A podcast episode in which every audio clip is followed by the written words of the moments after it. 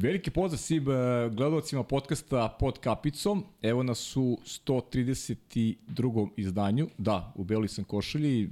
Istih dana smo ovaj, snimali i Miloša Koroliju i našu današnju dragu gošću koju ću predstaviti vrlo brzo. Pre toga, eto, samo još jedan podsjetnik na, na sve ono što se dešavalo u, u svetskom kupu kad je u pitanju konkurencija muškaraca. Ekip, reprezentacija Srbije zauzela sedmo mesto, preselila se već u svoju novu bazu u Japanu, gde će se pripremati za početak svetskog šampionata u Fukuoki i naravno sa ove pozicije u ime Infinity Lighthouse, u ime cele produkcije želimo momcima da naprave što bolji rezultat u, u Fukuoki. Znam da imaju najveće ciljeve i znam da imaju kvalitet za, za tako nešto i verujem da će uspeti da se vrate zadovoljni i da obraduju po ko zna koji put vaterpolo navijače i kompletnu naciju. A Mi se sada bavimo ženskim vaterpolom, pričat ćemo o kvalifikacijama za evropsko prvenstvo koje su srpske dame uspešno prebrodile, a sa mnom u gostima je kao što ste i e, imali priliku da vidite na Instagram profilu, kako mom, tako i mojih drage koleginica, Ana Milićević. Ćao Ana. Ćao, dobar dan. Dobar dan. Si, kako ti izgleda ovaj, ovaj studio? Iskreno da vam kažem, imam baš veliku tremu s obzirom kad se posjetim ko je sve ovde sedao pre mene na ovoj stolici, ali ovaj studio je, ne znam, jako me podsjeća na moju sobu, iskreno da vam kažem, tako da mislim da će se brzo osloboditi. Dobro. Ajde, da, da, da radimo odmah na tom polju, da se brzo oslobodiš. Daću ti mikrofon i ajde prepričaj mi kakve su tvoje iskustva s ovih kvalifikacija. Ok, igralo se, igralo se u Srbiji, bilo je negde za očekivati da će reprezentacija se plasira na evropsko prvenstvo, ali opet, naravno, a, postoji druga strana medalje, postoje protivnice. A, kako ti je to delovalo onako u bazenu i, i ajde malo nas uvedi, prepričaj nam sve što se, sve što se tamo odigralo.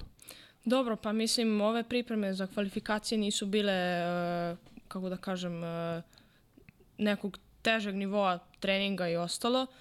Jednostavno uvod u neki taktički deo i tehnički deo koji ćemo vežbati pre Izraela za evropsko prvenstvo. Uh, Ovaj, rezultat je naravno bio očekivan, ali generalno ja nisam zadovoljna celokupnim rezultatom kao što se tiče golova i ostalo. Mislim da smo mogli mnogo bolje što se tiče odbrane da odradimo.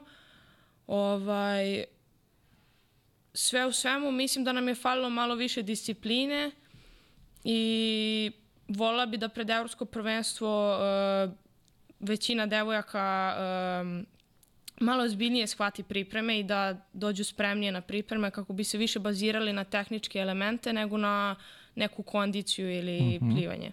Uh mhm. -huh. Ali vidiš napredak ili, ili, ili kako ti se kako ti izgleda sad ti dolaziš iz jedne pričamo o tvojoj klubskoj karijeri ti si već evo druga godina kako ćeš igrati u Italiji jednoj od najjačih liga uh, na svetu kad je u pitanju ženski vaterpolo kako ti izgleda taj taj ceo proces formiranja vi ste mlade devojke uh, Uh, i, i mislim da to ide neki ide neki neki razvojni put dobar postoji kada govorimo o nekoj budućnosti ali drago mi je što pričaš o tome da vidiš da postoji neki napredak i da treba bolje raditi Da pa ovaj od uh, Budimpešte iskreno uh, mi nismo kao muška selekcija koja je godinama bila na okupu zajedno, trenirali stalno zajedno. Menjao se tim iz godine u godinu, uh, što ne znam da li je zapravo dobro, ali ove devojke su već duži vremenski period zajedno na okupu i mislim da je vreme došlo u Izraelu ne, da napravimo neki korak više, mada vidjet ćemo kako će to sve izgledati i nadam se da će sve biti okej. Okay. Aha, a kad kažeš korak više, šta podrazumevaš po tim korak više? Da li je to četvrt finale možda plasma? Da li bi... Pa za da... početak četvrt finale. Mislim, uh mhm. -huh.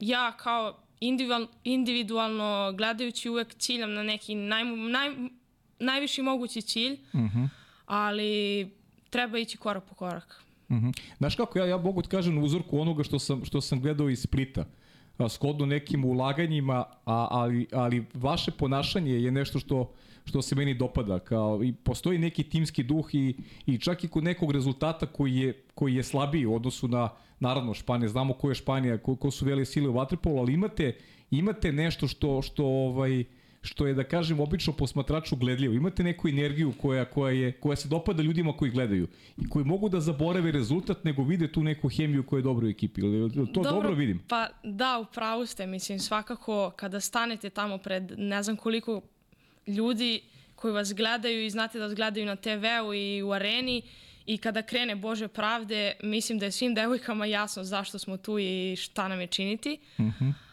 ali htela bi da se uh, vratim na Split i mhm.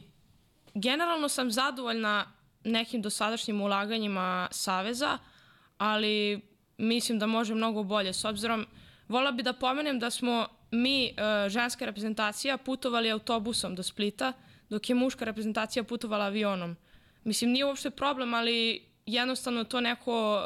Uh, kako da kažem, unapred određivanje e, rezultata na evropskom prvenstvu i ophođenje prema ekipi, tako mislim da nije u redu. Mhm. -huh.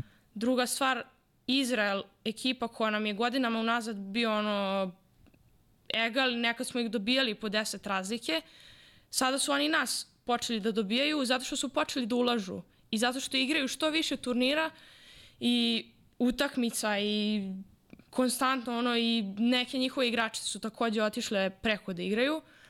Dok mi recimo sad ovaj uh, svetski kup kao druga divizija nismo uopšte bili prijavljeni. Mm -hmm. Ne razumem razlog s obzirom da je i Ukrajina koju smo pobedili sada na kvalifikacijama 19-1 igrala svetski kup. Da, da. Tako mm -hmm. da, da vola bi te neke stvari da se promene, ali mi na to ne možemo da utičemo. Dobro, ali može tome se priča. Ja zato i volim da, da ovaj, dolazite stalno ovde i da pričamo, da, da ovaj, postičemo ljude da ulažu jer ne vidim razlog zašto ne bi ženska vaterpolo stacija bila dobra kad je dobra rukometna, kad je dobra odbojkaška, problem je samo problem je samo ulaganja, ulaganja realno nema već godinama godinama unazad. Slažem se. Da. Ajde, nadamo se da će nešto da će nešto promeniti. E, kaži mi apropo reprezentacije, e, e, koliko osjećaš sada da si napredovala? Evo, igrala si jednu godinu, ti si sada nagrađena za ono što si, prešla si u bolji klub. Kakav ti je taj odnos, kakav ti je feeling sada tvog napretka, igranje protiv tih najboljih igračica sveta? Ti si sada primer. Uh, mogu i druge naše devojke da, da krenu tvojim stopama i da igraju, da igraju u toj elitnoj konkurenciji svetskog vaterpola. Da, pa svakako, mislim, uh, prvi razlog zašto sam otišla iz Srpske lige bio je zato što uh, generalno uh, više utakmica u italijanskoj ligi, više jačih utakmica, više klubova, uh, kako da kažem, uh, nivo je svakako veći, ok, ali ovde u Srpskoj ligi ja više nisam imala izazova. Mm -hmm. Samo sam gledala da, ne znam, da napredujem što više i da napravim taj neki korak napred. I kako ti to izgleda? Jesi, osjećaš da si napredovala? Pa jesam iskreno, mislim, kada, ok, mi od tamo jačih ekipa gubimo, ne znam, po 10 razlike, ali sam taj duel sa tim igračicama koje su, ne znam, nekada osvajale evropska, svetska prvenstva, svakako, ono, osjeća se da je drugačije kada dođem iz mm -hmm. Italije ovde, osjećam se, ono, da sam napravila neki pomak u odnosu na prošlu godinu. Da, to bi bilo i to bi bilo idealno da da da taj nekim tvojim stopama da krenu i neke i neke druge devojke kad već ne može da se napravi da, na pa nivou pa Srbije da, hoće, da mislim. Mm. To bi bilo lepo. Kaži mi, ti si prešla sada u, u, u, u jednu drugu ekipu. Uh, kako je izgledao, aj prvo da malo se vratimo, igrala si na Siciliji i rekla si mi pre početka da ti se da. na Siciliji jako dopalo. Uh, za, za jednu mladu osobu, mladu devojku koja prvi put napušta zemlju, uh, E, kako si se ovako navikla na taj neki socijalni život uz, uz e, sve to što si imala prilike da ovaj da da da igraš dobre da igraš dobre utakmice? Pa prvo da vam kažem, ne znam da li znate, ali ja sam pokušala da odem iz Srbije još pre srednje škole. Dobro. Nisam to znao. U Mađarsku. Aha. I ovaj, e, htela sam da upišem onu srpsku gimnaziju u Budimpešti. U Budimpešti, aha. I već sam se otprilike bila dogovorila sa klubom BVŠC, -hmm. Bila sam na probi i sve, polagala tamo prijemni, međutim jednostavno ne znam, eto, ispostavilo se tako da nisam upala u školu, moja mama nije htela poteže neke veze, mhm. mislim da nije bilo potrebno. ovaj, klub je što je najgore bio stvarno zadovoljan sa mnom, ali ja sam jednostavno rekla ako ne mogu da upišem školu tamo, nema pojente da sad eksperimentišem i nešto sa mm -hmm. školom. igram tamo, kad, ok, ostaću ovde, nebitno. I ovaj, iskreno mislim da sada iz ovog pogleda mislim da nisam napravila grešku i da se sve, da su se sve stvari dobro odvijele. S obzirom da se kasnije desila i korona 2020. Mm -hmm. i sve, ne znam kako bi to izgledalo. Ovaj, I generalno mislim da sam za ove četiri godine kasnije, da sam više sazrela kao igrač i da sam, ne znam, da su mi dopustili tu neku slobodu u igri koju ranije nisam imala. Mm -hmm. Tako da... A, a život na Siciliji? Život na Siciliji, pa ovaj... Iskreno, baš mi je žao bilo što sam... što si otišla. što sam otišla, da. Ali ovaj ne znam šta da vam kažem, to se izdešavalo generalno sve brzo. Posle Splita, uh mhm. -huh. ja sam imala, ne znam, 10 dana možda pauzu. I odmah sam morala tamo da idem, počinjala sezona, sve. Ja nisam ni bila još svesna da sam ja potpisala tamo, da ja odlazim od kuće na duži vremenski uh mhm. -huh. period. Uh, kad sam stigla tamo i dalje, mi nije bilo jasno. Meni je mama slala poruku, ti ćeš tek za dve nedelje da skapiraš šta si ti uradila, gde ideš, uh, šta ćeš da radiš. I to je tako i bilo na kraju krajeva. Mislim, što je najgore, devojke tamo su me stvarno ono od početka prihvatile, ja ne znam kako to vam objasnim. Mislim, generalno na Siciliji, kao jug Italije, ljudi su mnogo otvoreni, topli. Srdačnije, ha? Da, jako su slični nama i uh mhm. -huh. onda mi je to ono baš bilo, ne znam, prelepo, šok. Uh mhm. -huh. Pa šta si, kako si provodila vreme? Ili si, dobro, ti si, ti si e, i studiraš paralelno što se baviš sportom. Da i studiraš. Malo smo prešli na ono što se dešava trenutno. Vratit ćemo te kasnije kroz početak, kroz početak karijere. Zašto vaterpolo? Da objasni, objasni široj javnosti. Šta se radila na Siciliji osim, osim treniranja? Gde si u stvari bila? U kom, u kom, gradiću, u kom gradu si bila? Uh, Acirale. Aha. To je blizu Katanije. Blizu Katanije, Da. I ovaj, ne znam, re, recimo jedna anegdota. Uh, uh -huh. Kad smo tek krenuli ona da igramo prvenstvo, nemam pojma, i prvu utakmicu koja je trebalo bude ono egal i ja sam stvarno računala da ćemo da pobedimo. Mislim, ok, prva utakmica, prvi put je klub u istoriji ušao u prvu ligu, razumljivo je da ćemo da kiksnemo negde, ok. I izgubili smo, bili tu utakmicu, možda dva, tri gola razlike. Ja sam ono, mislim, standardno moje otišla u sobu, razmišljam šta, šta kako je moglo da se desi, ne izlazi mi se iz sobe, zaključala sobu, nije mi dobro, razmišljam, katastrofa, ono, se desila. I, ovaj, i kreću ovdje da mi lupaju na vrata. Ana, izlazi napolje, idemo, subota je veče. Kao, debre idemo. Debre idemo, izgubile smo utakmicu. I kao, ajde, subota je veče, nema veze što smo izgubile, moramo u provod, ovo ono, ne, koga briga za utakmicu, prva je utakmica, imat ćemo još utakmica. Ja rekao, alo, jeste vi normalne? Mislim, meni je ono nepojemljivo, ja ovde dok sam u Srbiji bila, koja god utakmica, ok, e, izgubimo, idemo dalje, ali meni je trebalo bar ono dva dana da ja legnem kući da razmišljam šta je bilo loše, pa uzem pa sedem pa pogledam utakmicu, pratim te neke detalje, šta je falilo, šta da uradimo za sledeći put, nema kakav izlazak. Mislim, to mi je recimo bilo šok. Kod njih je ono, pobedio, izgubio, nema ti, ideš... Ideš, ideš u izlazak. Ideš vani, vesele se, nebitno pobedi, izgubio. Pa da, viš kako je to, kako je to drugačiji, drugačiji pristup. Ovaj. Mislim, nije loše jedno i drugo, kad, kad pogledaš. Neki, pa, neki da. balans, neki balans, balans treba balans, naći. Upravo, da. Da, u svemu. I zašto čovjek treba da se opusti malo, bez obzira što što možda nije dobio utakmicu, dobit će sledeću. Dobro, znači, e, taj život na Siciliji je, i, i igranje na Siciliji ti je, ti je pomoglo u tom nekom igračkom, da, igračkom pa, ovaj, pa ne samo igračko sazrevanju, nego sazrevanju tvoje ličnosti. Generalno, ekipa da. na Siciliji je bila mlađa, uh mhm. -huh. većina je bila moje godište, možda dve, tri starije, neki čak i mlađe. Tako da sam i tu došla kao neka vrsta lidera. Mm -hmm. I tu su mi pružili potpunu slobodu takođe, tako da mi je bilo ono, kao prva sezona van Srbije, savršeno bolje nisam mogla da očekujem. Mm -hmm. a, a rezultat?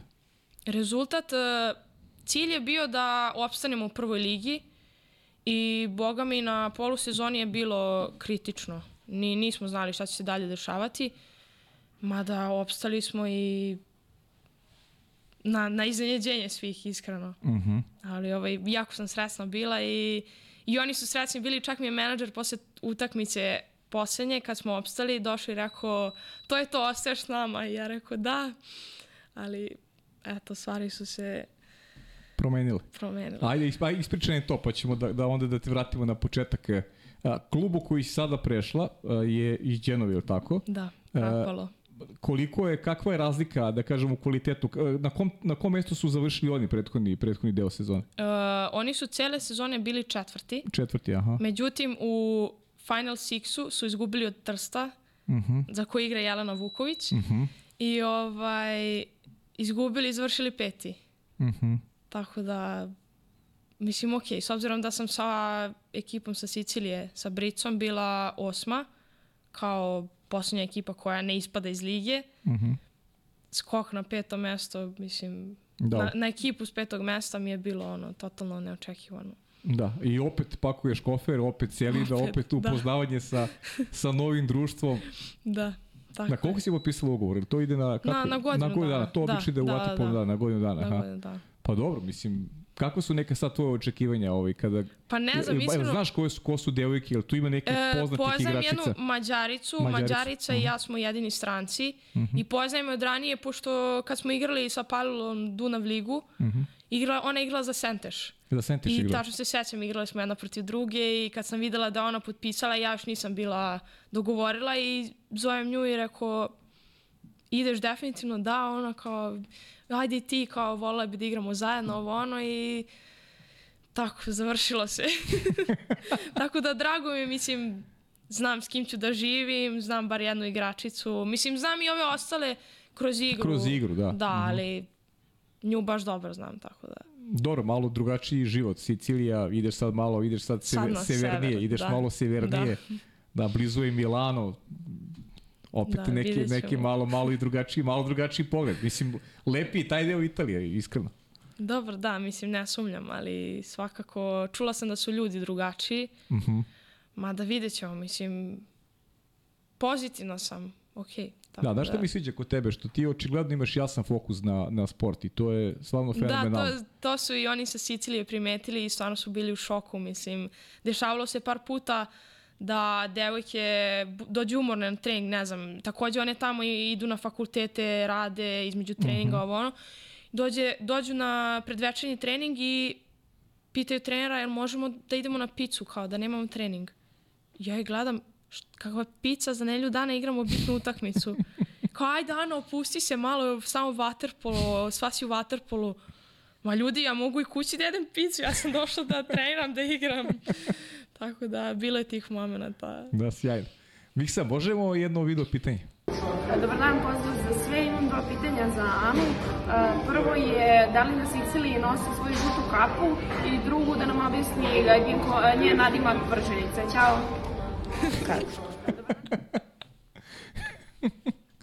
Žuta kapa, ne znam ovaj... Ok, e, žuta kapa, zimska kapa.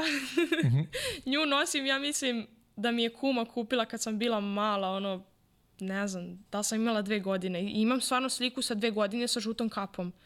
I sad, pošto inače imam problema sa sinusima i to, oni mi se smeju u reprezentaciji, ja posle jutarnjeg, večernjeg treninga, uglavnom večernjeg, ok, ako duva vetar ili nešto, obavezno kapa, mokra kosa, izlazim napolje, mora kapa. I ovaj, dugo godina sam i posle toga nosila žutu kapu, sad sam promenila, mislim, malo mi je mala, ali ovaj, zezali su me stalno za tu žutu kapu. Dobro.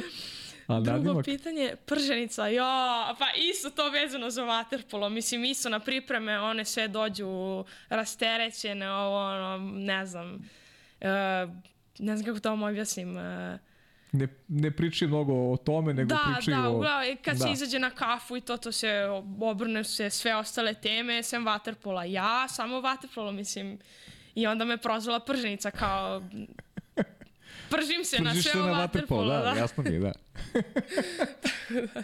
I sad, Pozdrav za Hristinu Ilić. da, i sad ti svi zovu prženica. Pa ne, Ne. Hristina me zove a, prženica. Hristina, znači, znači ona te je krstila dobro. Dobro. Tako Da znamo kad bude bila gošća ovde ovaj, da, da znamo na ko, koju temu ćemo da razgovaramo. A pazi, ja sam sad dobio jednu insajdersku informaciju i hvala mojoj dragoj Aleksandri Milošević koja je ovaj, stvarno se svojski potrudila za za pripremu ove emisije. Bukvalno sam ovde, onako vazduh sam ovde, ljudi. Ovaj, Pozdrav za Aleksandru, fali nam ovde. Da, da, Aleksandar, da. I Aleks i Radivojević i Aleks Milošević, obe nam fale. Da, obe nam fali. E, šta sam teo da kažem, e, Uh, imam info da, da si ti u stvari još i pre nego što si rodila si bila predodređena na vaterpolo, da. da, da tvoja mama Dragana nije znala da je trudna, da je trenirala i dalje. Je to tačno? Da. ne znam kako je to saznala, ali svaka ti čast Aleksandra. Ovaj, u trećem mesecu mama nije znala da je trudna sa mnom. Igrala je neki Beoval turnir, ono, još mi je pričala kao nisam ja nešto sad lagano, ja sam stvarno tukla, ulazila u duele. Ja rekao, pa nije ni čudo što sam ja sad ovakva, mislim. Tako da, eto, da. Da ti si tad dobijala malo i batinice, a da nisi ni znala ove da, stvari. Da, I što je najgore, posle, kada sam se čak i rodila, ona je nastavila, išla na pripreme s reprezentacijom i to. Uh, imamo, imamo slike. Da, i ovaj, ja sam uporedo išla s njom na pripreme kao beba, dok je ona mene još dojila i to, tako da... Da, vidimo to ovde sa sa loptom, kako si zagrila loptu, znači bila si predodređena, tako da uopšte ne treba te pitam više za konekciju sa Vatrepala, vidimo tu mamu. Da, mama još uvek igra za Partizan. Mama još igra za Partizan, da. da. Pa bila ček, mi je kapiten. Bila ti? Da. To je, to je interesantno, da, i to je nešto što sam ja hteo još onda, to je moj propust veliki. Ovaj, igrali ste zajedno u Partizanu, to je stvarno... Da. Kakav ti osjećaj bio to igrati? Ne samo u Partizanu, u Palili, u, Palili, u Vračaru, je, Vračaru, dugo godina. Ja mislim da smo čak sedam sezona igrale zajedno. Sedam sezona stigli da, zajedno? Da, kad sam ja ušla u prvi tim. Fenomenalno. Tako da, mislim, u početku je bilo ono, kao i svaki roditelj, najviše kritikuje svoje dete, šta god se desi u bazenu, a ne kriva, mislim, to je tako bilo. mislim, ali ja to nisam shvatala lično, ja sam skapirala da ona želi samo dobro, što je normalno. Jeste bilo momenta kad ja uđem u neku raspravu s njom, to je normalno, okej. Okay. Pa da, to je sad Ali ono... sada ovih, ne znam, posljednje dve, tri sezone, kad sam ja već ušla u neke godine gde sam ja počela da vodim ekipu i da budem jedan od glavnih igrača, umem ja i njoj da kažem uh, mama, kako mi nisi dodala, kako si šutnula to, gde si propljivala, mislim, sad nam je to postalo ono. A ova slika? Ja, duga priča, ovaj, za moj rođendan, 16 bili smo u Bečeju, igrali smo, ja mislim, Dunav ligu. I ekipa moja iz Palilule nije znala šta da mi pokloni za rođendan, tako to, ne znam. I Kristina Miladinović, pozdravim je sada, se prisjetila da pošalje Denešu Vargi poruku na Instagram da mi čestita rođendan.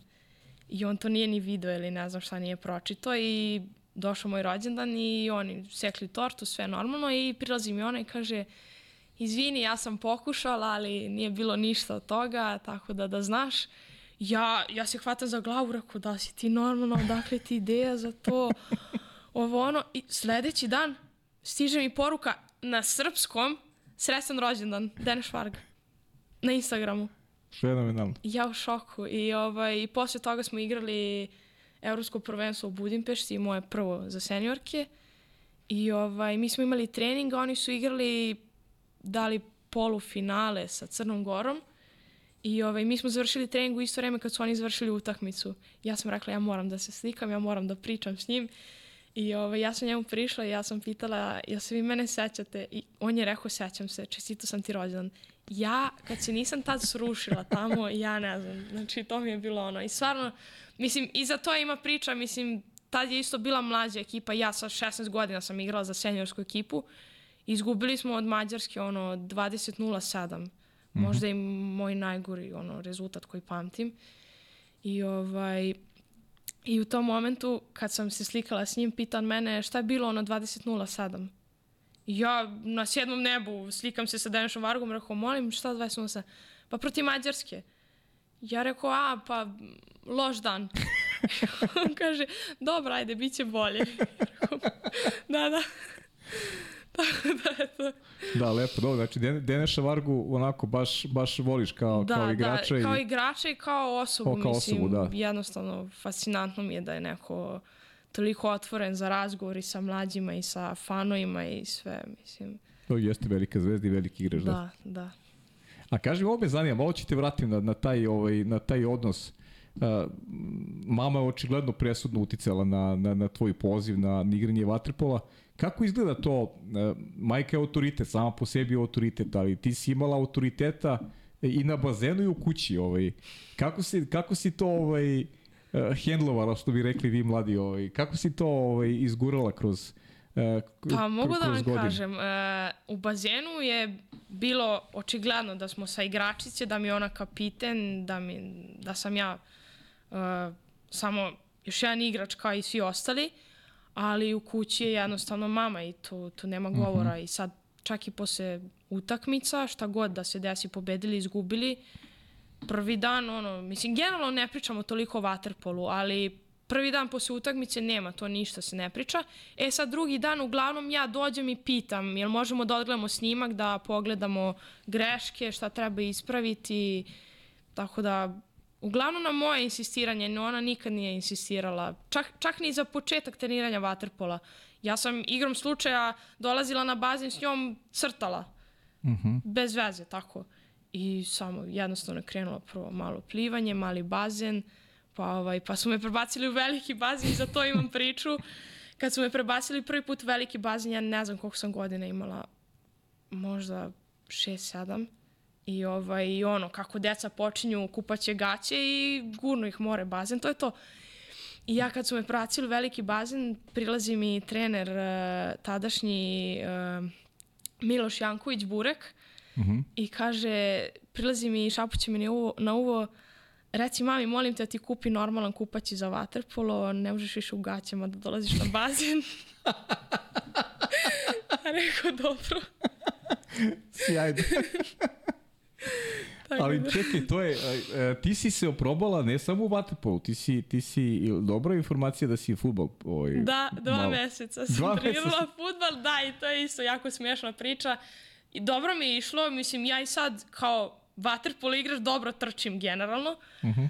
Tako da ovaj, e, dobro mi je išlo i u nekom momentu treninga da smo sparingovali nešto između sebe i išla sam u neku kontru, sećam se i trčala sam za loptom i kako smo na parketu u sali bili, pala sam i oba kolena sam raskavarila. Ja sam samo ustala i rekla sam ja ne, ja ne dolazim više, ovo nije za mene. I, i vratila sam se u bazen i to je, to, to je bilo to od moje futbolske karijere. A čekaj, gde si bila futbol? To je neka, neka školica? E, karioke u mojoj osnovnoj školi, 14. oktobar. Aha, aha. U Rakovici. U Rakovici, znači neka, neka privatna škola futbola, aha? da, znači. pa lepo, eto, mogli smo da imamo Anu Milićić futbolera, ali... Nažalost, nije za mene. A čekaj, ali ko je taj futbaler koga ti obožavaš i, i neki, neki dres ovaj, i obećan? Šta se tu dešava? Ili... Ja, odakle vam to sad? Ha, pa čekaj, ja sam novinar, Ana. Ovaj, Dušana Vlahovića pratim iskreno baš Aha. i ovaj, pratim ga još od kad je bio u Partizanu. Dobro. I dok je bio u Partizanu, i, mislim, i on je bio klinac, ja sam bila još mlađa, tri godine od njega. I ovaj, da li sam ja bila poslala poruku na Instagram kao fan, nevezano, kao je, može pre nego što odiš u Fiorentinu dres neki, ovo ono, i on kao može, naravno, ovo ono, nikad nisam dobila dres, tako da... E, dobro, sad javni apel. Dušanu Vlahoviću gledi ovu emisiju i pošalje dres. Hvala. Da, nema potrebe da ovaj, da padaš ovaj, na, na, na, ovim, na ovim jeftinim ovaj, forama. A kaži mi šta sam teo da ti sad da ti pitam još pre nego što ja tu još jasne zanimljivih pitanja, nego da mi malo ovaj opišeš šta je te te početke ovaj uh, igranja vaterpola, koliko ti je to koliko ti je to bilo teško. Jesi imala neke drugarice koje koje si ovaj možda ti uvuklo u vaterpolo? Taj neki tvoj to neki neki period period odrastanja, koliko je tebi e, stekla si vrlo brzo očigledno te neke te neke radne navike koje koje ovaj i, i sada imaš evidentno. Pa iskreno da vam kažem, ja se ne sjećam mnogo sa tih početaka, uh mhm. -huh. ali generalno ta neka ekipa iz Vračara, moje godište, čak i malo stariji, uh, ja smo promenili klubove, ali većina njih je ostala u Waterpolu, mislim, tako da od malena smo, što bi se reklo, zajedno. Zato je meni i bilo žao, mislim, ja sam u Partizanu jednu sezonu odigrala, ali tu jednu sezonu sam igrala sa osobama s kojima sam provela ono ceo život u bazenu. I onda mi je više to bilo ono kako njih da ostavim, da ih napustim. Da, nije ti si išlo. Da. Mm. Znači, to je, koji su to klubovi? To su Palilula, Vračar? Prvo je bio? Vračar, Vračar od prvo? 2008. do 2017. Uh -huh. pa Palilula do prethodne sezone. I onda jednu sezonu Partizan i Italija. Da.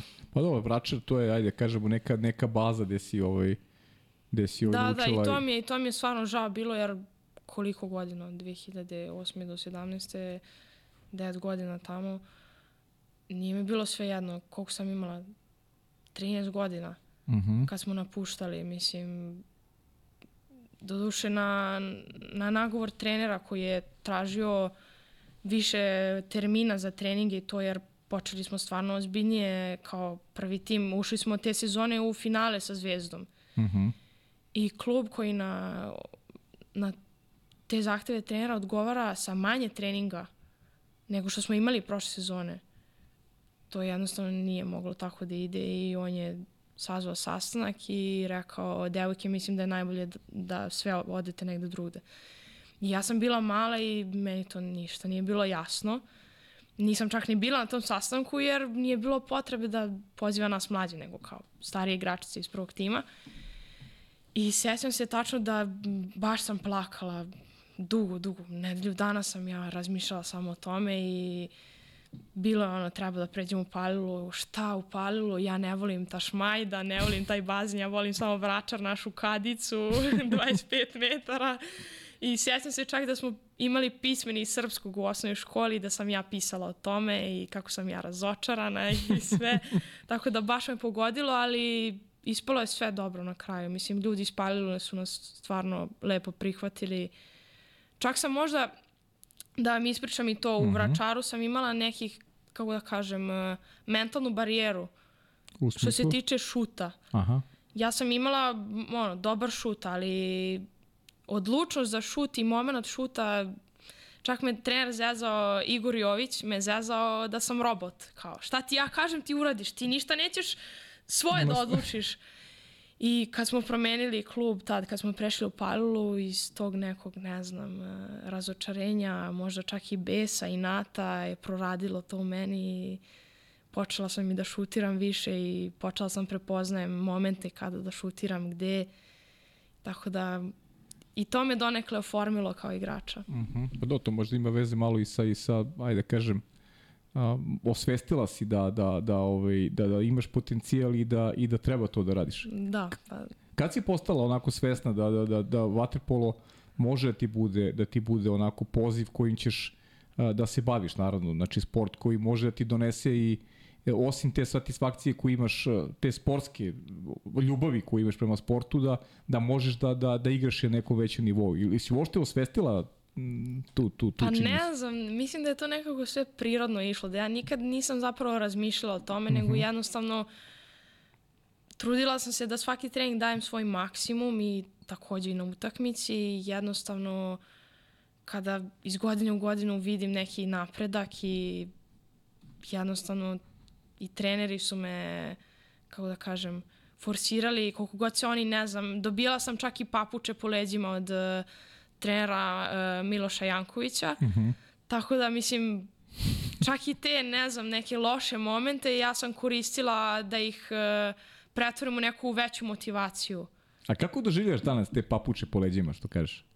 Ili il, il, il, il mu zameraš na, na tome da ti Pa pap... nije, mislim, sada, čak i, ono, sada definitivno razumem zašto dobijam papuče Aha. po leđima. Okej. Tako da mi je čak i lakše da prihvatim danas papuču po leđima nego tada kad sam bila mala. Ne znam i šta sam skrivila, a dobila sam papuču. tako da, ne znam, nekako je to sve tako prirodno išlo. Uh -huh. A treneri koji bi onako istakla možda ovi koji su ne uticali na... A, Bilo ih je dosta. Mislim, Verislav Kragić, kod njega sam počela da treniram u malom bazenu i sve. On me naučio otprilike prvo i da bacam loptu, da šutiram i to. Ovaj, onda Miloš Janković, e, koji nam je prvo bio u Vračaru jedno vreme, mada sam ja tad još igrala samo za mlađe i kasnije upalili smo s njim osvojili titulu. Ovaj, a u Vračaru nakon njega Igor Jović, kod njega sam ušla, dao mi je prvi šansu da zaigram za prvi tim. Mada je ono, prve sezone bilo sedenje na klupi, normalno. Tako da Njih, onda ne znam koga bi još mogla. Uh, ne znam, ima ih stvarno dosta. Mislim, ja mogu kroz priču da ih pomenem, ali sad stvarno... Ne, okej, okej, okej. La, lagano, ako se bude namestilo. Mix, ajmo video pitanje. Opuštamo atmosferu. Ćao Anči i pozdrav za ekipu iz studija. Ana, da li možeš da nam kažeš zbog koga si dobila nadimak Radule? Ko je to uopšte? Koje vi to zajedničke osobine posjedujete i ispričaj nam cijelu priču oko toga. Ćao! Ja, Iva! Pozdrav za Marka Radulovića ako gleda ovo. Ovaj, mi se inače ne poznajemo, ali gledali smo neki turnir, e, muškarci su igrali, ne znam, pred na, naše neko, mislim da je čak prošle godine, pred naše evropsko za 2003. I ovaj, ne znam šta su oni igrali i u nekom momentu ja spomenem kao gledajte kako ovaj Radulović šutira, kao sad ću ja ovaj šut da vežbam i došli smo na trening i ne znam, onako nešto s, laktom niže, nije ni bitno. I ovaj, ja sam došla i rekao, ide sad jedan Radule. I kako sam ga opalila po golu i ono ušlo u 90. Ja rekao, ju, ja sad stalno ovako šutiram. I onda smo krenuli da se zezamo, ne znam, e, mene zovu Radule i uzovemo Lukić, zato što ima slika, mislim, ja, to, to sam zaboravila da vam pošaljem. Dobro. Pokazat ću vam nekom prilikom. Uh, Ivu smo prozvali po Nikoli Po Lukuću. Nikoli, ja? A, ovaj, a Janu Lujić, koja je sada prestala čak da igra, nažalost, uh, Đole Lazić. I onda je tako, mislim, i šale na treningu. Znači, Đole Lazić je završio karijeru, šta? da, naš Đole Lazić. Vaš Đole Lazić je završio karijeru. Dobro, interesantno. Baš nisam znao za, ovo, za, za, za Radule, nisam znao. mislim, mi kroz svaki trening gledamo da to bude kroz neku šalu, mislim, radimo maksimalno jako, ali uvek je lepše kad je tu neki osmeh, pozitiva, tako da... Da, pa do, naravno, logično, uvek je bolje. A čekaj, nešto mene zanima lično, sad opet skrećem s teme. Je li tačno da voliš Formulu 1? Pa ovaj, pratim, Stvarno? pratim donekle. Ne, ne tako često, isto kao i američki futbol, spomenula sam pre mm -hmm. kad smo pričali. Ali ovaj, fan sam Ferrarija, mislim naravno iz Italije, ali ovaj, ne znam, nije mi baš to mentalno leglo prošle sezone. Nije, a? Tako da pratim kako stignem, ali sad ne mogu stvarno da se nerviram toliko. Izbegavaš stres, znači to je Da, Opcija, da, mislim da ga imam dovoljno i bez toga. Tako. i, be, i bez Ferrari. Da. E, pazi, ja sad skačem, naš, ali ovde toliko pitanja ima. Nađe Novaković te pita. Kaže, kako je bilo s najboljim cimirkom sad u Novom Sadu i kako joj se sviđaju nove metode za pripremu pred utakmicu ili ispiti? I kako muzika utiče na nju i njen performans u bazenu ili na fakultetu? Ja, pozdrav za Nađu Novaković. Ovaj, e, stvarno nam je bilo super. Mislim, Nađa je generalno, ja ne mogu da mu objasnim. Ja pozitivniju osobu u životu nisam upoznala. Znači, šta god da se dešava, koliko god ona umorna bila pod stresom, e, šta god da je se dešavalo pored vaterpola i to, ona će na trening dođe nasmjena, krenut će da skače, puštat će muziku, ta energija ja ne mogu da mu objasnim, mislim, još ja u sobi s njom pred kvalifikacije, bilo mi je vrh, stvarno.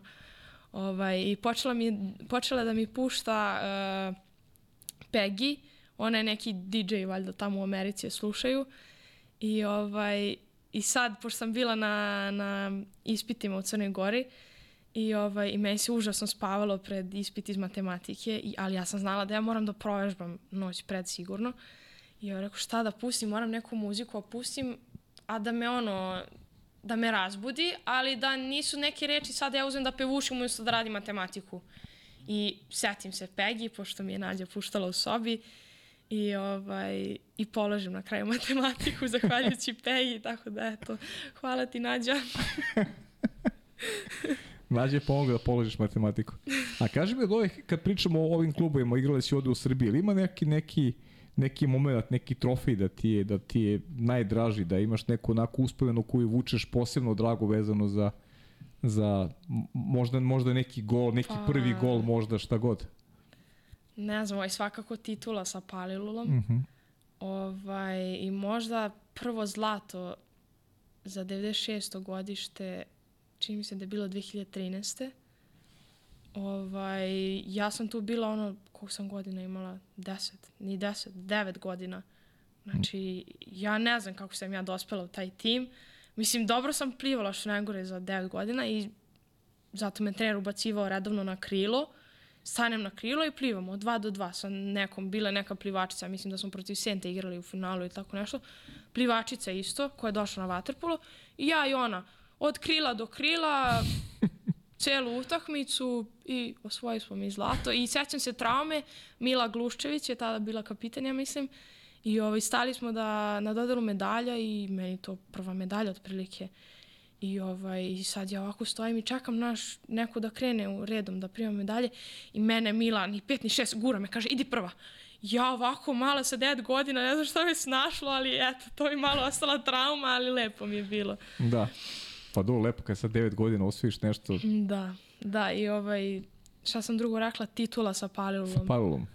Ovaj, da, dobili smo zvezdu u finalu, ja ne znam tačno rezultat, može 3-4 gola razlike, ovaj, nevrovatna utakmica. Dala sam četiri gola, čak nisam bila ni svesna koliko je mene, ne znam, jednostavno mi je bio dan, ja ne znam stvarno i ne znam, em što smo osvojili titulu, em što sam odigrala utakmicu karijere do tad, stvarno mi je bilo ono... Mama tad bila u timu? Da, da, da, mama je bila kapitan, mama je uzela pehar.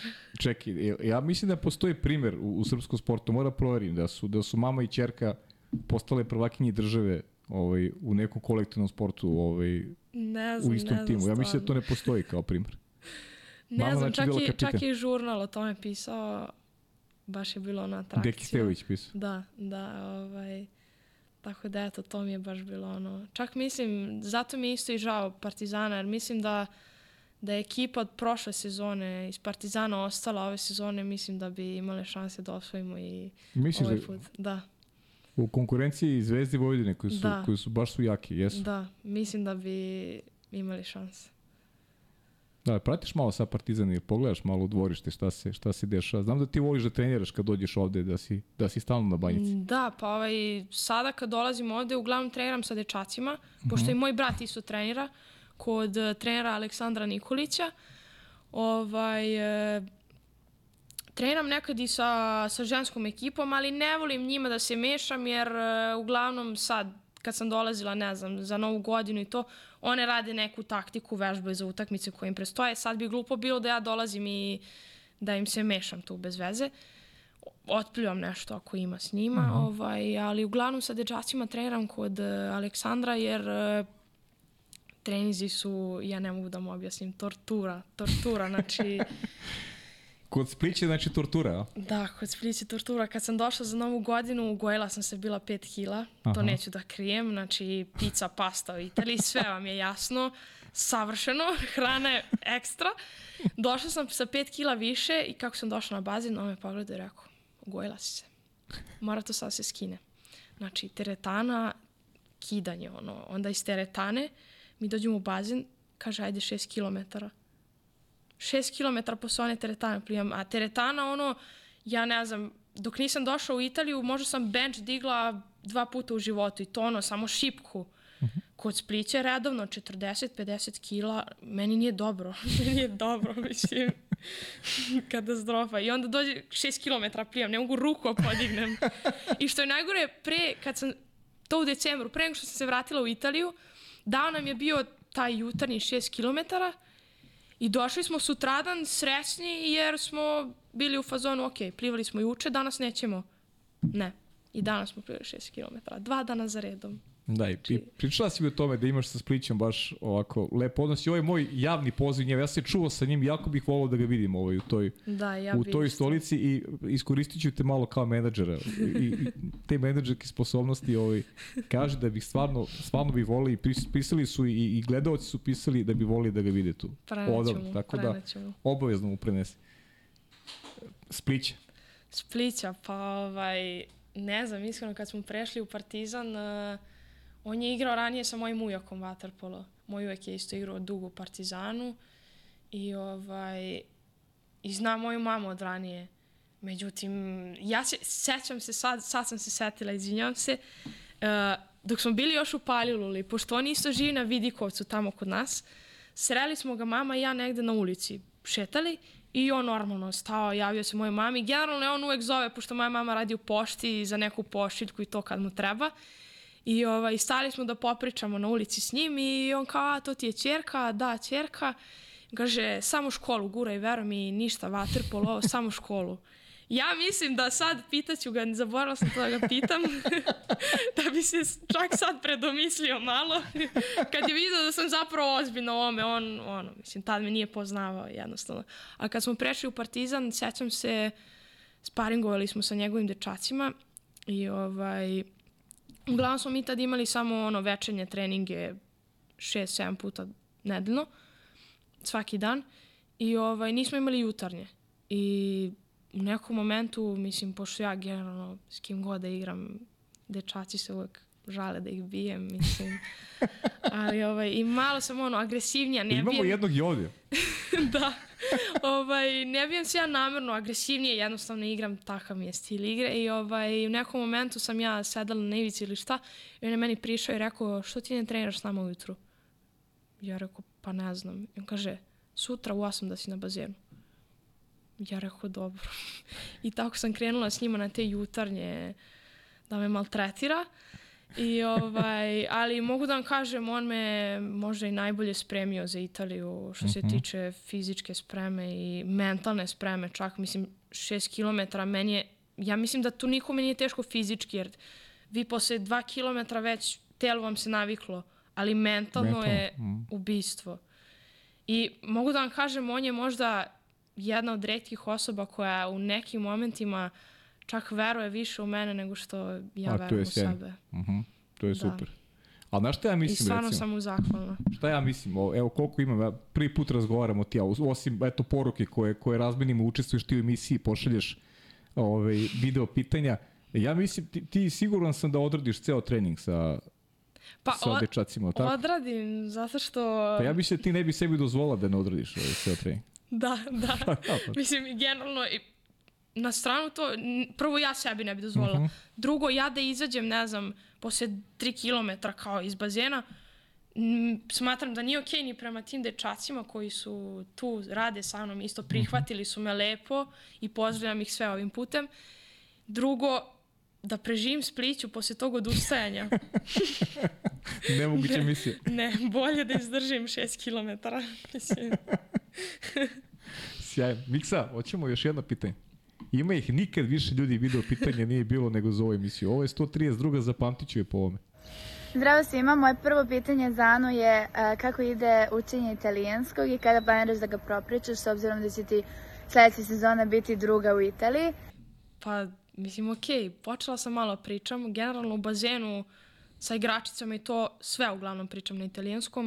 Nije težak jezik, mislim da generalno to svi znaju, ali ta neka gramatika i ne znam, ovako uopšteno sporazumevanje. Mogu ja, ne znam, i na ulici sad, mislim, meni se oni uglavnom smeju i na Siciliji uzmem, pa što bi se reklo, žargonski lupetam.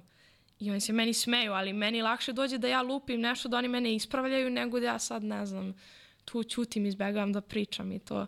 Tako da nadam se da ću sad ove druge sezone da propričam lepo, vidjet ćemo. Ovaj, ali eto, ali recimo na Siciliji isto zanimljivo što oni imaju svoj jezik, sicilijanski. I onda su oni mene donekle uporedo učili italijanski i sicilijanski i čak ono, prve reči su mi bile sicilijanske, tako da Šta si prvo naučila? Al, al, al da nije... su, sunju mota, to znači mrtva sam. To je bilo na treningu. Posle da. treninga. Da. I to je čak nam je bio pozdrav cele sezone. Una, due, tre, sunju mota. Mislim, Sjajno. tamo su devojke, ono. A i, i bilo neka još neka, neka strankinja ili, ili su... Bila je, bila je iz Izraela centar, Noa Sasover.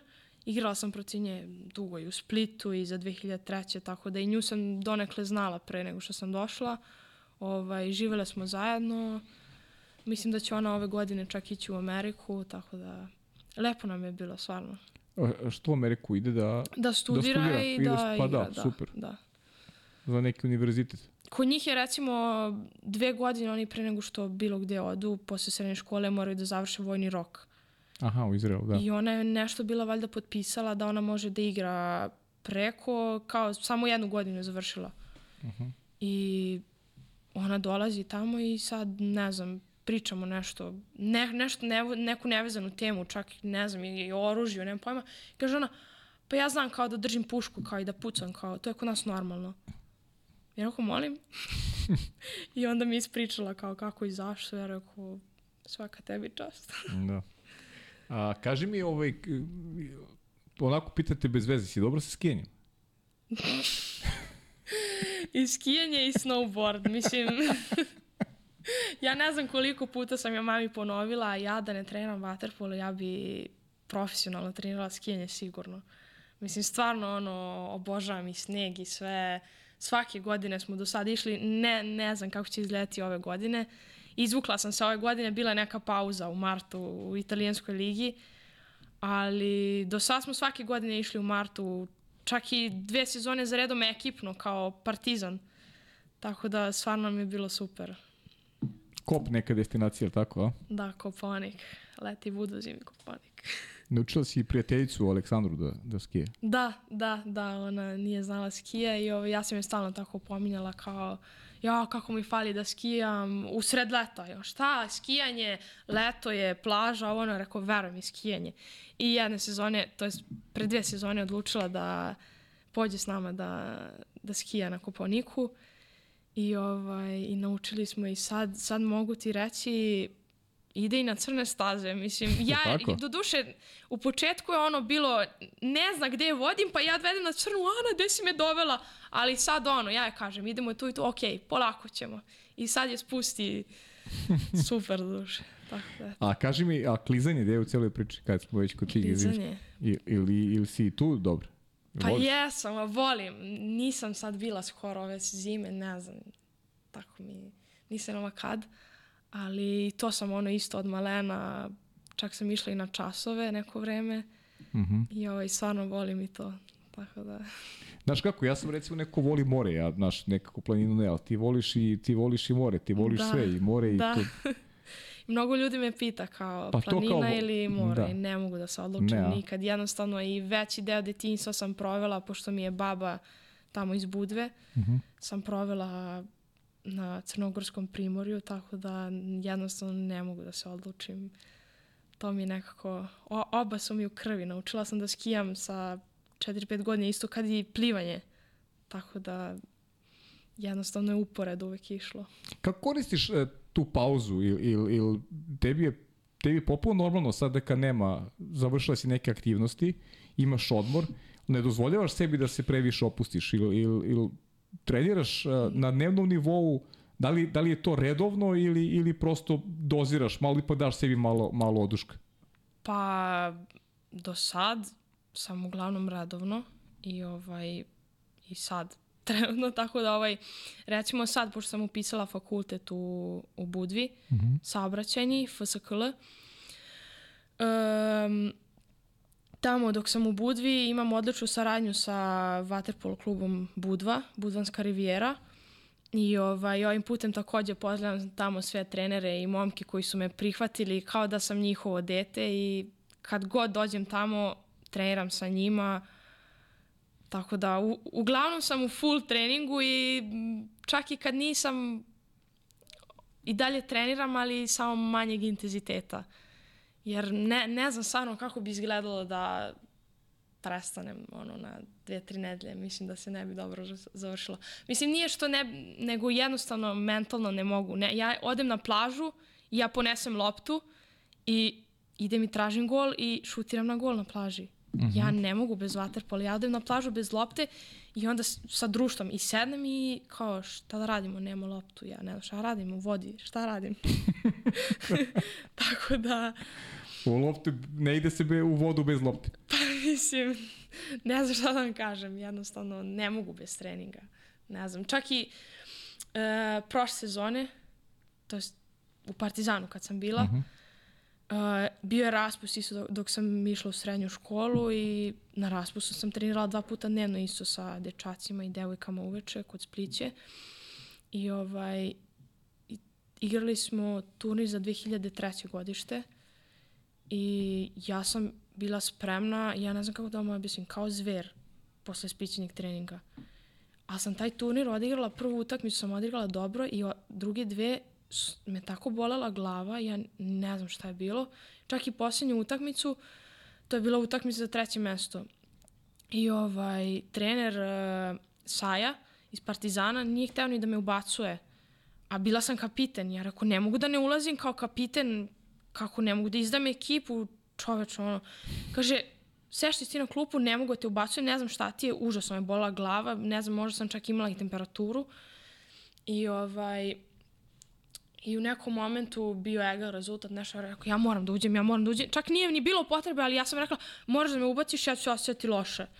I ovaj, ubacio me, odi, odigrala sam 2-3 minuta, poveli smo 2-3 razlike, izašla sam, sela sam, smirala sam se, bilo mi je okej. I sutradan se vraćam kući i još mi je gore i idem i testiram se na koronu i korona. I to je bilo isto pred kvalifikacije za Split, koje smo isto igrali u Zrenjaninu i već su krenule bile pripreme. Ja, me, možda mi je to i najgori mentalni period života. Ovaj, ležala sam po kući ceo dan, bolila me glava, nisam znala šta da radim, ne treniram, ne mogu ništa radim. Čak i da uzem, ne znam, neki svoj trening da odradim, pa mama bi me samo poklopila ovako šakom u glavu. Znači, s temperaturom i to da radim, znači, ne znam, to mi je stvarno bilo najgore i dosta sam i plakala, neću da krijem. Mislim, mm -hmm. I ne treba. ne znam. Po tom pitanju sam stvarno labilna kada mi ne dozvoljavaju da ulazim u bazen i što najgore posle toga, e, možda i velika greška koju sam napravila kao sportista, Dobro. e, kad sam se oporavila i sve posle tih, ne znam, 10 dana, ja sam odmah ušla u bazen. Bez ikakvog pregleda sportskog.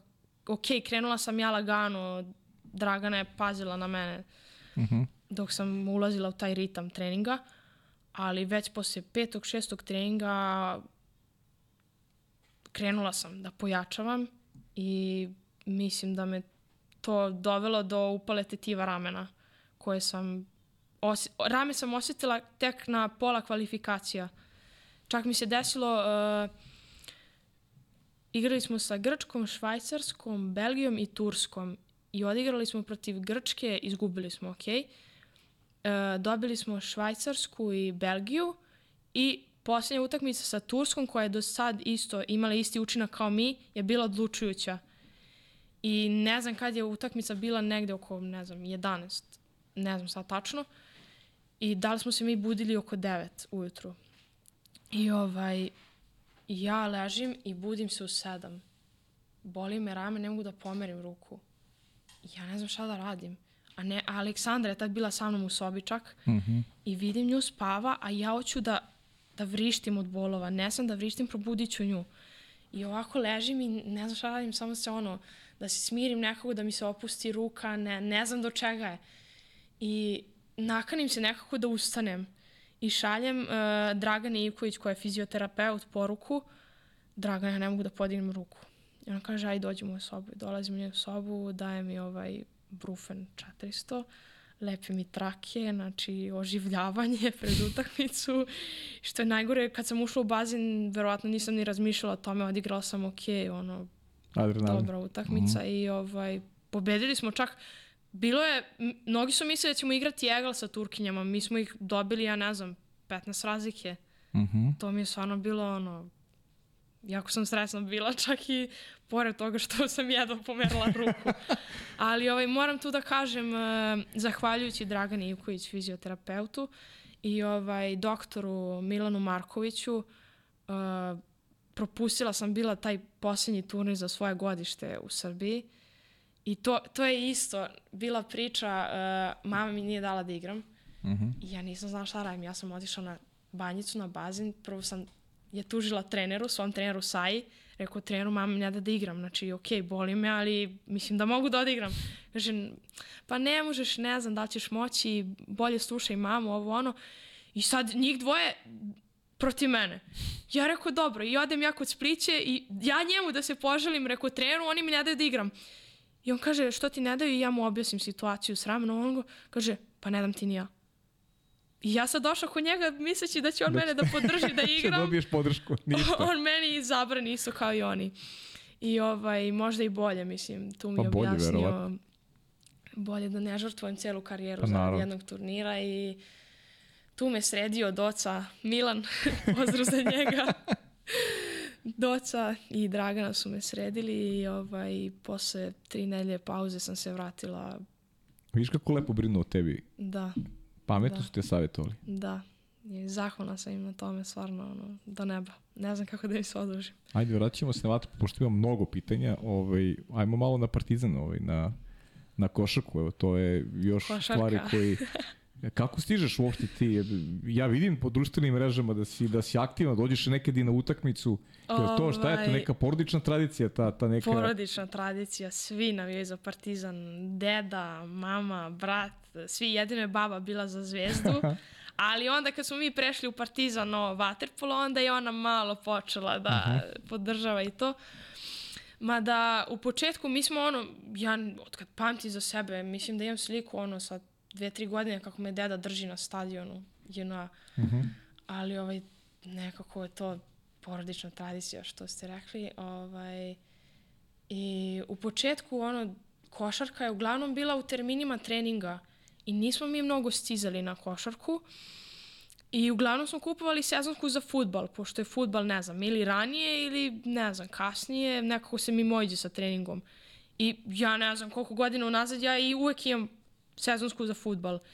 I ove godine, pre nego što sam otišla u Italiju, početkom sezone kupim sezonsku za futbal i posle spita odem u Italiju i tamo vadim novčanik nešto i vidim sezonka za futbal koja je totalno propala cijele sezone. Ja ne znam da sam na jednu utakmicu stigla da odem. To je stvarno žao jer stvarno volim da gledam. A ovaj, za košarku isto, košarku obožavam i to isto, mislim, s obzirom da se poklapa sa trenizima, koliko god stižem, Euroliga sad, eh, Željko Obradović, morala da se isprati. Vidio sam te, imaš nekog omiljenog igrača?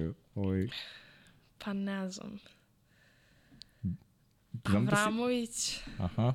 Exum, tako da, ne znam, uglavnom sve ih volim, obožavam ih, mislim, pratim ih sve. Žao mi je sad što se ekipa rasformirala donekle. Pa dobro, da, par dobro. Panter je ostao, to je bitno i Ledej, vidjet ćemo za dalje. Nadam se najboljem. Mislim, ja verujem u Željka, tako da kako god ekipa da bude, mislim da će on to doterati Mhm. kako treba. Kaže Aleksandar da, da, da, umeš to u tim nekim neformnim razgovorima, da pričaš o navijačima, da je malo tih pravih iskrenih navijača. Ovaj. Koliko to ovaj, nedostaje možda i, i, i ženskom vaterpolu? Uh, ta neka podrška koja bi vam pomogla da, da ovaj, možda i, i brže stasate, a u, u sve onu podršku koja, koja nedostaje definitivno. Ja to stalno ističem ovde emisijama, da nemate pravu podršku ni unutar Saveza, to je velika zamerka Savezu, ali ta neka podrška, neka, ajde da kažem, možda i neka veća medijska pažnja koja bi, koja bi privukla ako više i, i publiku da, da dolazi na, na Da, utakmice. pa mislim da svakako medijska podrška bi mnogo značila, jer ja sam se milion puta sretala sa ljudima koji ne znaju za ženski vaterpolo u Srbiji. Čak se sjećam, pošto sam završila vazduhoplovnu akademiju, srednju školu, i ovaj, pre upisa je moralo da se odradi lekarski pregled, taj neki specijalni. I ja sam otišla tamo i žena mi je radila EKG. I kaže ona, si ti neki sportista? Kao, vidim ja si ti sportista. Ja rekao, da, trenam vaterpolo. I ona kao, ju, vaterpolo, ženski vaterpolo.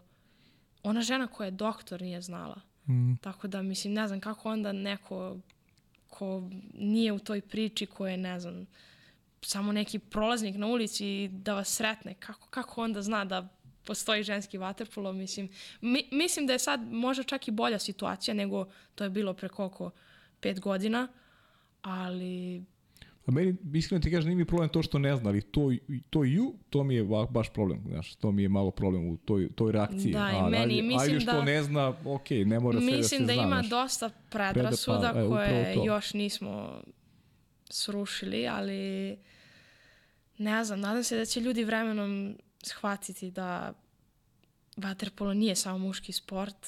Mislim da smo to milion puta već dokazali. i E, da zato mogu da dolazite vidim. ovde da te predrasude potpuno ovaj, uništimo, da, Tako i hvala vam na tome puno i za ovaj ceo podcast. Hvala vama, hvala vama što postojite. A kaži mi šta bi poručila nešto te- eto devojčicama koje koje su možda u nekoj dilemi, ovaj, da li početi U trenirati dilemi, vaterpolo pa- ili ne? Ja sam uvek za, mislim, Mhm. treba probati. Pogotovo ako vole vodu, ako vole loptu da se igraju, ako im deluje zanimljivo, zašto da ne, mislim. Ovaj, Partizan sad takođe vrši upis, e, besplatan upis svih devoj, devojčica svih uzrasta, tako da pozivam sve devojčice i roditelje koji koji prate, koji se možda dvoume da dovedu devojčice na bazen, neće se pokajati. Tako da, eto. Miksa, ajmo video pitanje. Polako. Pozdrav svima u studiju, pozdrav e, Ani. Ja sam Zvone imam dva pitanja za mladu talentiranu vaterpolisticu. Prvo pitanje je po čemu će pamtiti Siciliju. Najbolju stvar i najgoru stvar da mi kaže. A drugo pitanje ću postaviti tako da budem siguran koji ću odgovor dobiti. Koji ti je najdraži muški cimer sa Sicilije, kojeg zoveš Teča i kojem si prije tjedan dana bila na svadbi. Ljubim te puno, Ane živjela, pratim vas. Zvonimir Anđelić, e, on je ovu sezonu igrao e, za muški tim u Bricu. Ovaj, I čak smo mesec dana bili ono cimeri, živjeli smo u istoj kući. I ovaj, naravno da si mi ti tečo omiljeni cimer. Moram da ispričam, ispričam priču za zašto ga zovem tečo. Uh Ajde. Pošto on kao Hrvat je došao u, u Italiju i ovaj, Italijani nisu imali predstavu da mi Hrvati pričamo isti jezik. I ovaj, oni kad su došli, oni su bili šokirani, ja kako vi pričate isti jezik. I ja bacila foru, pa kako ne znate, on je meni teča. I oni poveruju. I od tad je ostalo i onda je njemu sadašnja žena Doris, pozdrav za Dorisku, e, došla i ovaj, ja rekao evo i moja tetka i, i od tad ih zovem tetka i teča. Fenomenalno. da. Znači imaš omiljenog teča. da. I ovaj... I hvala. je prvo pitanje bilo? E, pa Sicilija, Sicilija, šta ti je, šta ti je E, najlepš- i- naj- najlepša i i najteža, naj- najteža uspomena, da. Pa ne znam, najlepša... mm, Ne znam, stvarno. ne znam, generalno tamo mi je stvarno bilo ono super, divno, prelepo. Ne znam kako da objasnim. Mhm. Od hrane do ljudi, do... Ne znam, stalno smo... Čak sam i sa njim išla dosta i dole po Sirakuzi. Uh, posjetila sam i Palermo. Mm, prelepa je stvarno Sicilija. I ovaj, generalno Sicilija kao Sic- Sicilija, eto, ne znam, možda najlepša stvar. Mhm. Mogla bi možda čak i da živim tamo. Stvarno mi je Je ono... tako? Uh, jedino mi je žao, to sad da mu zamerim uh, teči zvonku, što smo propustili skijanje na etni. O, e, pa tečo, ovo, ovo E. sad ne važi ništa. ovaj, dogovarali smo se, dogovarali da idemo na skijanje i ne znam, uh, ja sam valjda bila išla kući za, za uskrs i pre toga nismo otišli i kad sam se vratila nije bilo više snega i to smo propustili, ali nadoknadit ćemo, ne brinem se ja. Ovaj, mislim da je ono nevrovatan spoj, što bi se reklo, mora i planine, Da. oba ja obožavam, tako da nevrovatna mi je Sicilija. A najgora stvar, ne znam, možda, sjećam se ovaj, jedan dan uh, bio je neki uragan nešto na jugu, na jugu Sicilije i nismo imali ni treninge dva dana čitava, ovaj, bili smo zatvoreni u kući, padala je kiša, konstantno duvao vetar. Ja sam mislila da će krov na- da nam odnese, to je bilo katastrofa. I ovaj, nisam izlazila iz kuće, osjetila sam se kao u karantinu ponovo, to mi je takva trauma, ne razvija ništa i samo sedenja i hrana, ovo, ono, serije, ni, znači katastrofa. Ta, ta dva dana, to mi je možda bilo najgore. Bi mi ja ti imaš najveći strah od zatvornog prostora i da, i da nisi aktivna, da nemaš nikakvu aktivnost, da ti to u stvari najviše muči. Da, ali ovaj, možda, ne znam, možda to, a možda i neki porazi tokom sezone, mislim, opet I ko ti će... teško padaju porazi, ja? Pa da, mislim, ne, ja stvarno ne volim da gubim, generalno u životu, ne samo Mhm. u waterpolu. I ovaj, ne znam, sad sa dedom da uzmem da igram šah, iznervirat ću se. Deda će od milion puta da mi dobije milion, ali ja ću svaki put da se iznerviram. Tako da ne volim da gubim stvarno i ovaj, bilo je stvarno teških momenta u toku sezone, ali Šta su refleksije tvoje na poraz? Kako se ponašaš? Ili, ili, ili umeš da, ne znam, da opsuješ, da... Kako, pa ima, kako ti ima ima? momenta, mislim, ne, Koliko te drži? Koliko te... Tako je, pržica da ne opsuje, tako je. Ovaj, ne, pa sad mi je u Italiji lakše, mislim, mogu i na srpskom, neće Da, me ne razume, razumeti, da. ali, mislim, ružno je, stvarno, ne volim da psujem, ali dešava se milion puta, šta da A radim. koliko te drži? Koliko te drži taj, ta, ajde da kažem, neka nervoza i to, ovaj... Pa zavisi, ne znam, zavisi od utakmice, od poraza, zavisi da li se osjećam da sam ja mogla pružim bolje, onda ne znam, čak i kad pružim maksimalno pa se iznerviram što sam ja pružila, a možda neko drugi nije, opet me i to boli. I onda ne znam, ima više faktora, ali uglavnom ne znam, na početku sam stvarno bila ono, kad sam bila mlađa katastrofa, sedem kući, depresija, 3-4 dana, užas. A sad jednostavno ne znam, kažem, sedem kući, možda ne taj dan, ali već sledeći pogledam utakmicu. I tu negde skapiram možda da sam neke stvari drugačije videla, da možda i nije toliko loše kako, se, kako je meni delovalo iz bazena. I jednostavno glava gore, pozitiva, idemo, radimo jače na treningu i doći će uspeh. Da. E, Pozdravljate puno i Vanja. Vanja Lazić. Vanja Lazić nije se, za Vanju. nije se slikala. Ne znam, Šteta. nije se slikala, da, nije htjela se slika. Ovaj, ne znam gde je. Ali ti je postavila lepo pitanje. Kaže, da li ti je san da postaneš najbolji igračica u Italiji? Pa, mogu da vam kažem, meni je san olimpijada. I to ne olimpijada, samo olimpijada. Ja želim stvarno neku medalju, ako ne i zlato. Opa, Rekla sam, individualno uvek ciljam na najviše moguće. E sad, kakve su nam mogućnosti kao ekipi, ok, korak po korak, rekla sam. Ali volila bi da jednog dana deca dođu i kažu želim da treniram vaterpolo, želim da budem kao Ana, to bi mi bilo ono uspeh najveći. Ali opet guram pa dokle doguram, želim da postanem najbolja igračica na svetu. Ne u Italiji, na svetu. bravo, svaka čast. O, o, ovo još, o, o, Miksa, za- zabeleži i seci ovo, ovo je ozbiljno i seci. Svaka čast, ovo mi se, ovo mi se mnogo sviđa. Pa mislim, možda, ne znam, mama mi milion puta kaže gađaš previsoko, idi, ne znam, korak po korak, misli prvo na manje stvari, ali ne znam, to je jednostavno, mene ljudi kad pitaju, ja se nekad sednem i zapitam, pogotovo posle poraza, zašto ja ovo radim, zašto treniram, zašto se mučim ovoliko, šta će mi ovo u životu, mislim, i onda sednem tako i razmišljam i jednostavno ne znam, meni to nešto u meni govori da ja mogu i ne odustajem, to je to. Čak mi je i teča zvone jednom prilikom rekao šta ćeš ako najđeš na zid? Ja Aha. rekao, ići ću glavom kroz zid. I on kaže, šta ako je gvozden? Ja rekao, zaobići ću ga, preskočit ću ga. Ne, ne vidim opciju da odustanem. I Super. tako. I treba, I treba stremiti neki, neki svojim ciljevima i mnogo mi sviđa ovaj kako, kako razmišljaš. Mislim, i, ljudi mi uvek kažu ti ne znaš šta ćeš, kako ćeš razmišljati za pet godina, za tri godine, za deset godina, ali ne, pa, znaš, znaš šta je Srbiji potrebno još, kad je ženski vaterpol u pitanju? Da još 12 devojaka kaže ja hoću da budem najbolji na svetu. da, da, to definitivno, pravo ste. I to je i da kaže još njih 12 da, da, da, da ima taj cilj, da stremi tom cilju. Eto, to je to. To ti je, Da, to ti je pa najvažniji, najvažniji preduslov za uspeh.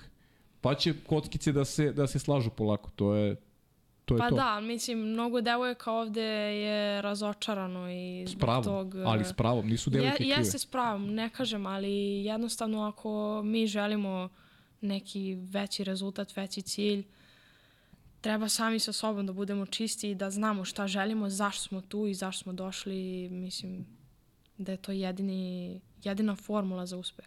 Mhm. Sjajno. Mislim, ajde, Vanja, Vanja, te, Vanja te pita da li istina da više voliš da treniraš sa muškim timom?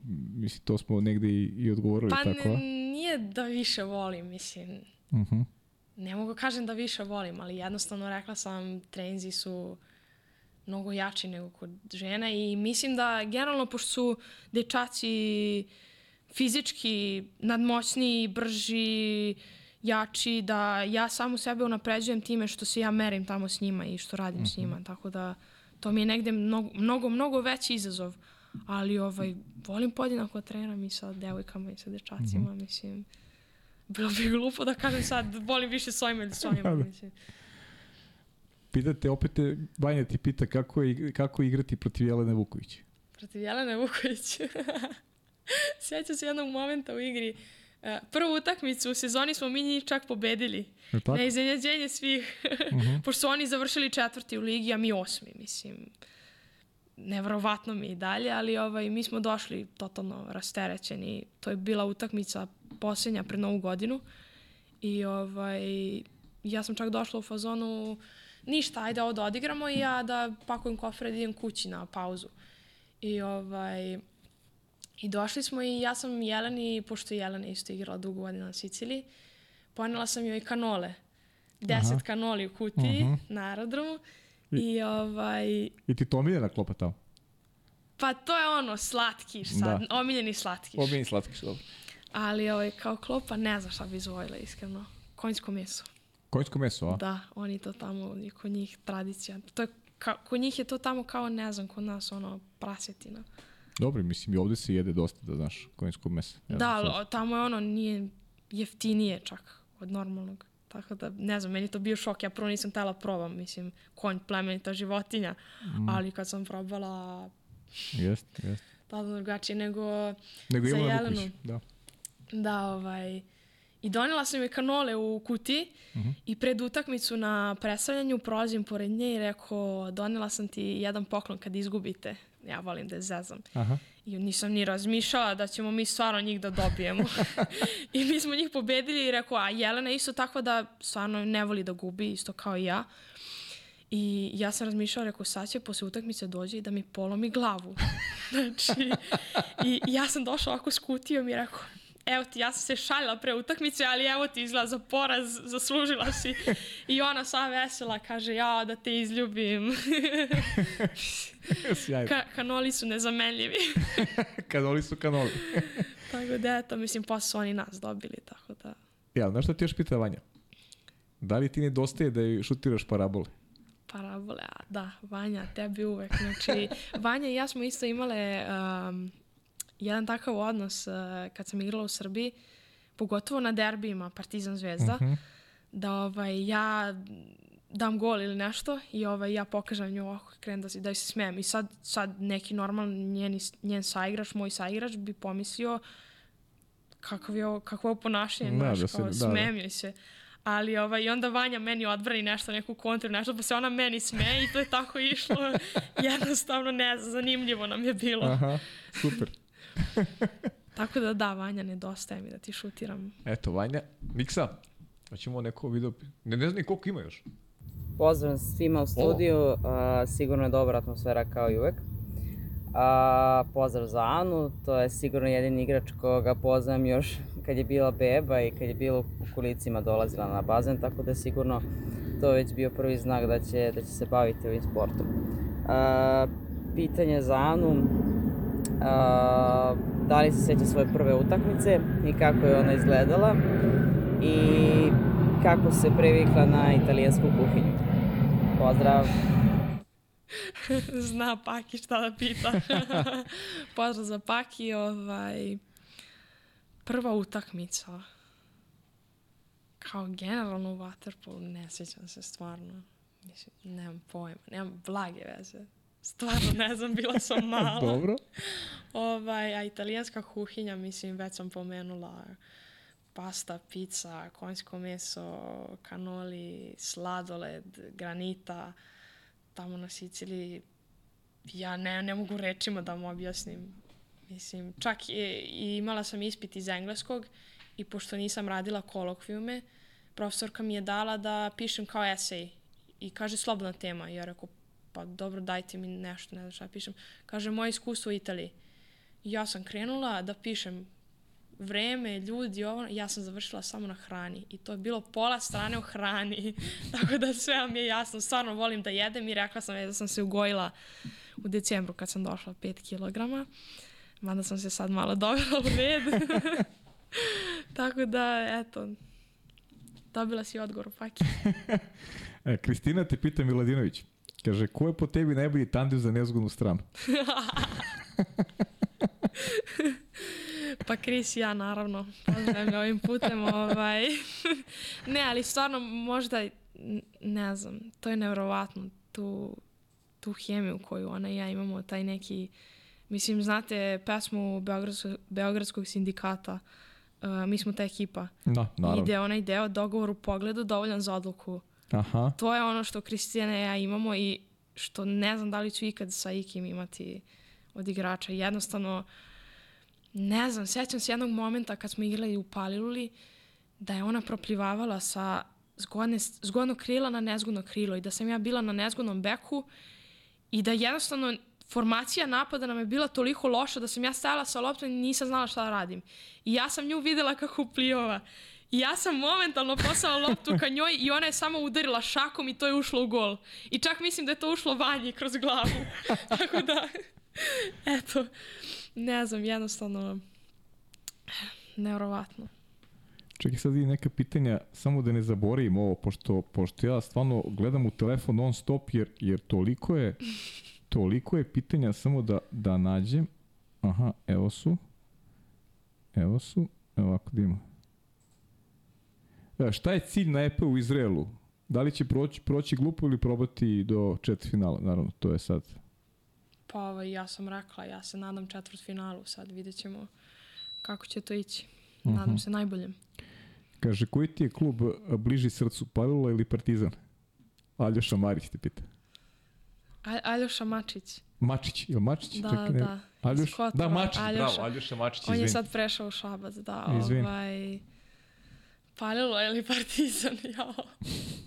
A ne znam, mislim, već sam vam rekla, to su iste igračice s kojima igram, tako da to je isto, ali kao klub, ne znam, možda bi izabrala partizan, jer svi znamo da inače Svi navijam za partizan, tako da eto. E, ovdje ima zanimljivih pitanja, znaš. Iva te pita, zašto se tuširaš ledenom vodom nakon već dovoljno hladno u bazenu? To je isto, mislim, ok, prvo krenemo s toplom vodom. Meni je tuširanje mi je inače omiljeni deo treninga. Ja bezbroj puta stanem na banjici na tuš, onaj vreo, i stanem po tuš i kažem za ovo ja treniram, za ovo ja treniram. I ovaj, ali naravno, mislim, već sam rekla da sam imala povrede ramena i ostalo. I ovaj, hladnom vodom kažu da je najbolje završavati tuširanje, tako da i posle hladnog bazena i toplog tuša završavam s hladnom. Jednostavno, to mi je tako ušlo u neku naviku i Iva opet. Alberto Munariz, Deneš Varga. Ja, ja ne mogu.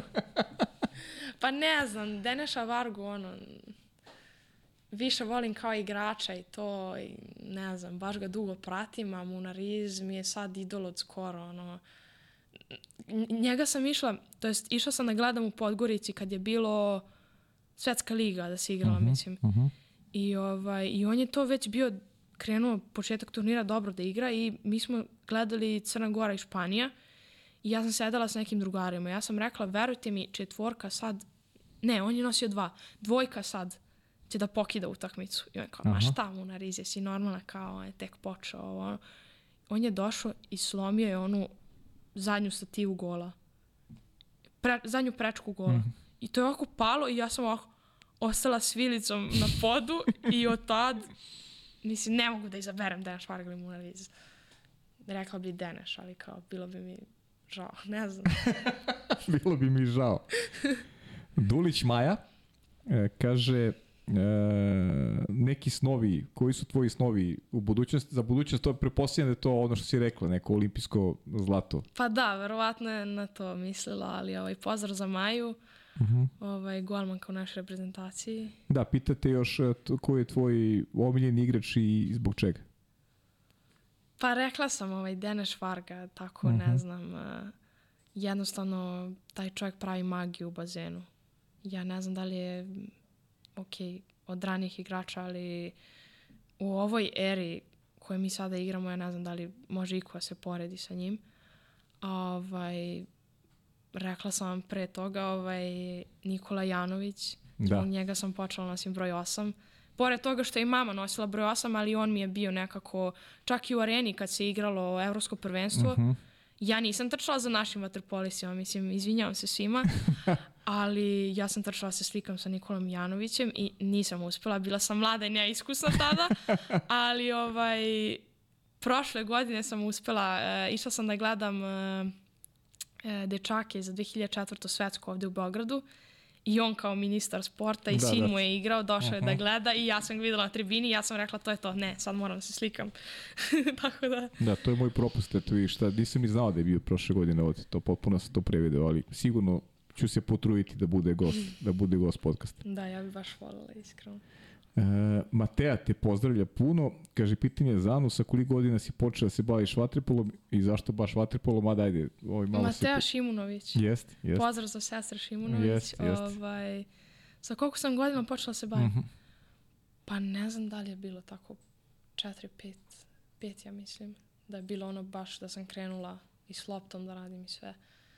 Tako da eto, mislim, znaju, većina zna priču Da. zbog mame i ostalo, tako da... A Luka te po- pozdravlja, kaže kako je, kako je bilo u Budvi na treninzima. Pa rekla sam već, mislim, oni su me prihvatili kao da sam njihova i ovaj, stvarno sam im zahvalna na tome i uglavnom kad dođem u Budvu dođem manje spremna i onda se oni meni smeju. Kad god prijamo ja kukam i to je katastrofa, ali stvarno volim da treniram s njima, ono, momci su super.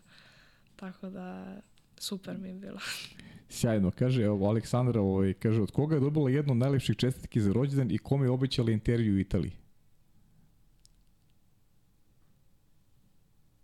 Aha, aha, Aleksandra, Aha, Aleksandra. Aleksandra mi je poslala i to dugačku poruku.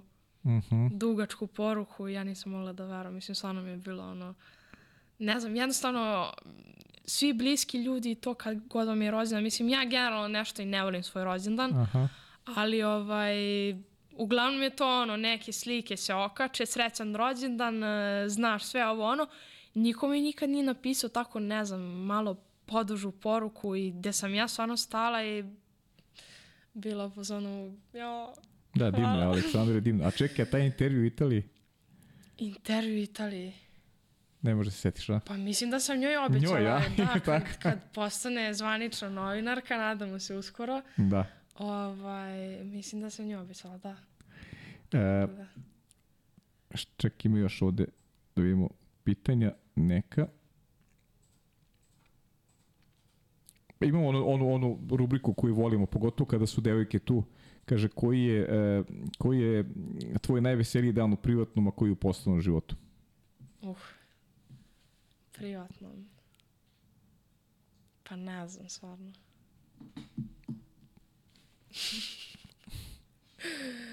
A šta znači poslom, kao ne Pa, znam? vaterpolo, znači Vaterpolo. vaterpolo, da, da. Vaterpolo. Tvoj pa- posao je vaterpolo. Ne znam, pa ne bi mogla da izdvojim jedan. Stvarno ne onda, znam. onda nemoj da izdvaješ. A kaži mi ovo, pre nego što nastavim, na, nastavim se pitanjem još malo da te, ovaj, da te malo gnjavim oko, oko vaterpola. Uh, kako gledaš, ili imaš neke, neke uzore ti ili si ih imala uvek kroz, kroz, kroz neko odrastanje ili si se ugledala neke uzore ili si prosto uvek bila ovaj, negde usmerena da, da negde gradiš, da kupiš ovaj, od, od svakog po nešto ili imaš nekog baš, baš ovaj uzora u... Pa u... mislim, Denis Varga mi je ono na Denis, prvom Denis Varga uzora, aha. Ali ovaj, uglavnom se trudim da tako stvarno pratim vaterpolo i kao i ostale sportove većinu. Ovaj, I stvarno se trudim da te neke igrače koje favorizujem inače da pokupim najbolje što Mhm. vidim u tom trenutku. Tako da često volim i tako neke te nove stvari koje vidim da odem na trening sutradan i da probam. Mislim, to nekad ispadne jako smešno i treba vremena da se savlada, ali ne znam, volim da eksperimentišem. Mhm. E, jel gledaš, jel gledaš utakmice često, jel gledaš snimke, koliko pro, provedeš dnevno gledajući neke vaterpolo utakmice?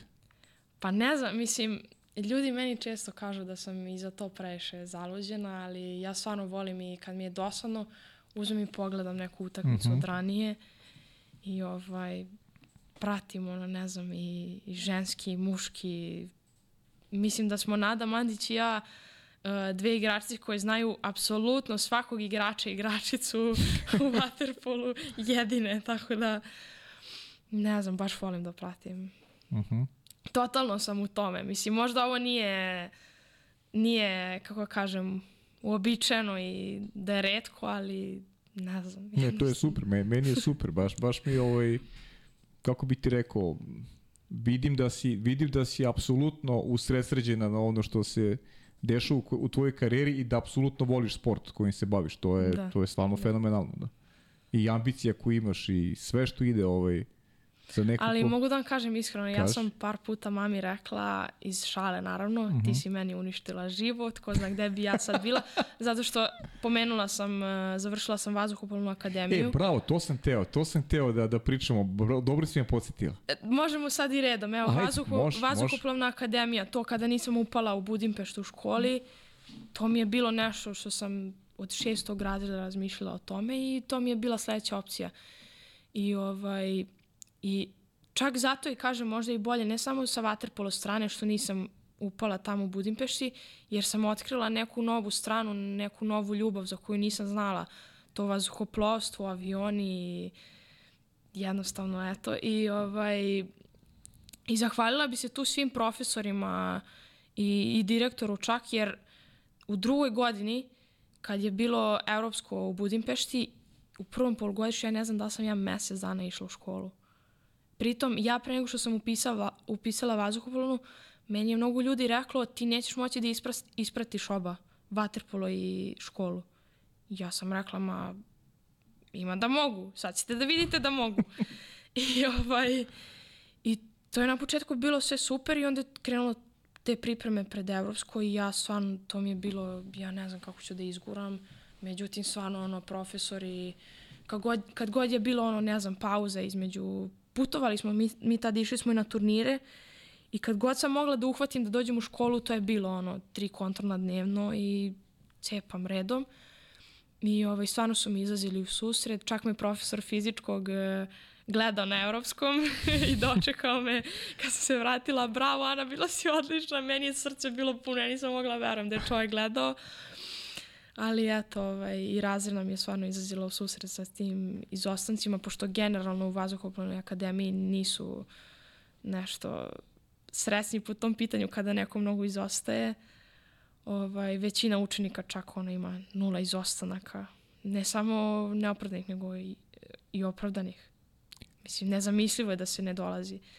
Tako da, ovaj, stvarno su mi izazili dosta u susret i, ovaj, i čak sam se posle završetka škole uh, razmišljala šta ću da radim, da li... Ja sam, da se razumemo, ja sam dugo čakala da ja odem da igram preko. Da, da. Ali mhm. jednostavno, posle srednje, svi razmišljaju fakultet, da će naselje da radi na aerodromu, mnogo njih i naselje da radi na aerodromu. Imali smo i prakse, meni se to sve svidelo, bilo mi ono prelepo, ne znam, oduševljena sam bila. I čak sam razmišljala da upišem kurs za pilota. Međutim, to mislim, sami znate, stvarno nije izvodljivo zajedno. I ovaj, dugo sam razmišljala i opredelila sam se na ovu stranu.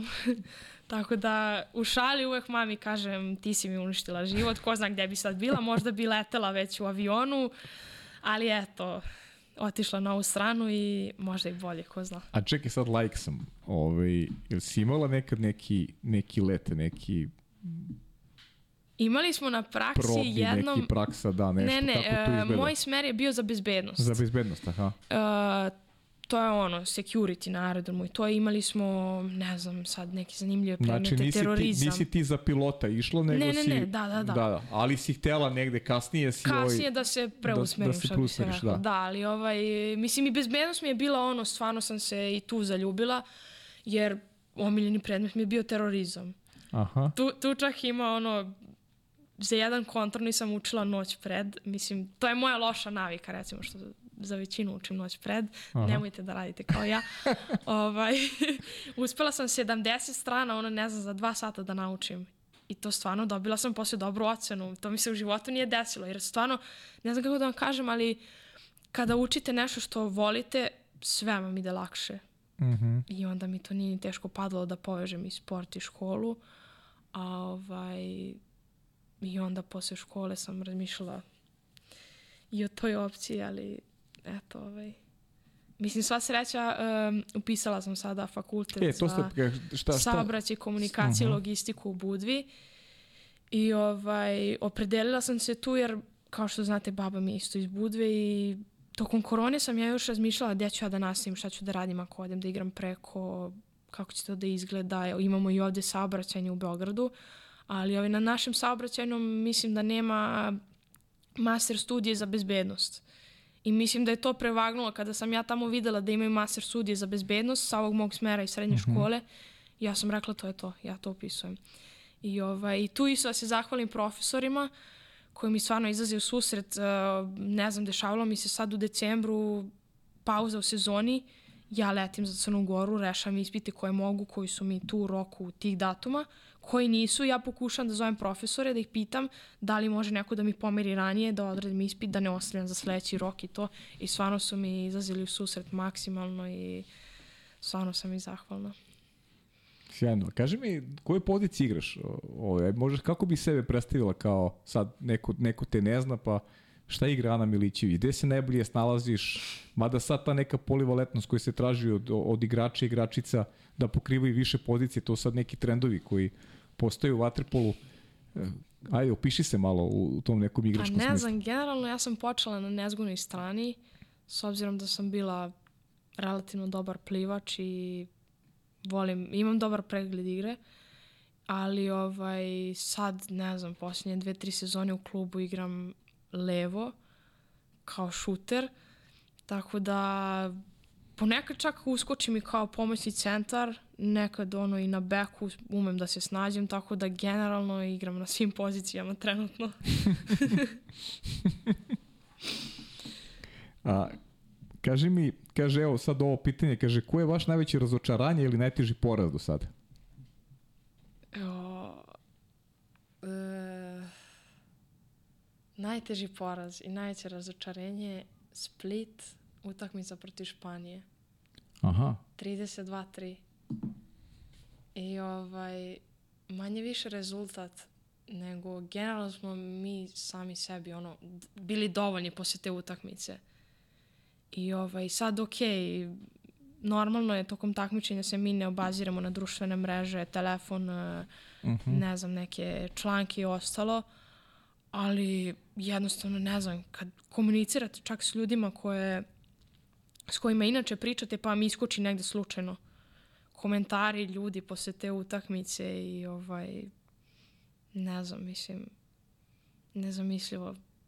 Mislim, manje više, mene stvarno ne interesuje šta mi neki čovjek iz fotelje kuca na telefonu, ali ja sa sobom ni, ja nisam mogla da verujem. Mislim, ja generalno, ja pokušam devojkama ovdje da objasnim da ni italijanke ni španjolke nisu nešto talentovanije od nas apsolutno nisu, nego jednostavno imaju, ulažu, imaju taj... Imaju uslove.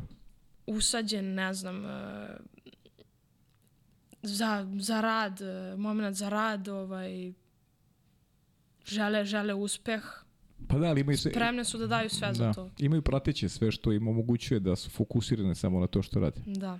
Mislim, nije, znaš kako, ovaj, nemaju svi taj neki a, ne rode se svi tako kao ti, znaš, da imaju taj neki to nešto spartanski u sebi i nešto što ga pokreće imam cilj i drži se cilja, znaš, to je, to je... Pa mislim da je to možda i od mame krenulo, mislim. Vrlo moguće. Ja imam isto velikog sportista u kući, uh mhm. -huh. to je svakako. Ona je isto igrala jednu sezonu u Mađarskoj, tako da i ona isto vrlo dobro zna kako je to kad ideš negde sam, uh, tad još nije bilo ni telefona, ni društvenih mreža, ideš sa nekim ciljem i ideš da taj cilj ostvariš, e, ne obaziraš se na spoljne uticaje i to je to. Mm. Slažem se, ja se popuno slažem s tobom, ali kažem ti imam razumevanja i za i za neku drugu stranu priče, znaš, jer potrebno da, da, je... razumem ja sve, ali tre, jednostavno... Potrebno je kreirati malo uslep, malo, more malo i neki spoljni faktori da se aktiviraju kako bi, kako bi nekome rekao je tebi sport je primaran. I ovaj tvoj primjer je, ovo je, mislim, moram ti kažem sada već, ovo je jedan od mojih omiljenih podcasta definitivno, zato što je onako, si iskrena i zato što vidim koliko si ambiciozna, što je bez ambicije čovjek i ne može da ostvari neke Pa. svoje snove. Ako nema ambicije, bolje da se i ne bavi ovaj, tom ne, koj, kojom god delatnošću da se bavi. Da, mislim, ne valja ništa raditi na pola. Ne, ne valja, ne valja, ne valja bez ambicije. Ako nemaš Da. ambiciju, čemu onda? Da, ali ovaj, ja sam tela kažem, mislim, ja razumem i ove devojke što su prestale zbog studiranja i ostalo. Mislim, ne podržam, mislim da može da se uskladi sve sa dobrom organizacijom, ali jednostavno, evo, ja imam neki plan B. Ja sam upisala fakultet i ja gledam na tu neku drugu stranu. Trenutno sam 100% u, u Waterpolu. Pored toga što u pauzama dolazim da, da završavam fakultet. Ali jednostavno, kao što ste rekli, sa ovakvim uslovima ne možete to da očekujete od svakoga. Bilo bi lepo da stvarno ima više devojaka koje razmišljaju ovako, ali teško je razmišljati ovako u ovakvim uslovima. I društvene mreže nemoj da gledaš to uopšte, to šta ljudi pišu, jer... Da, Ne, pa dobro. Znaš- Mislim, mene to nekad, ja sam rekla, ja svaku negativnu čak stvar preokrenem da me motiviše.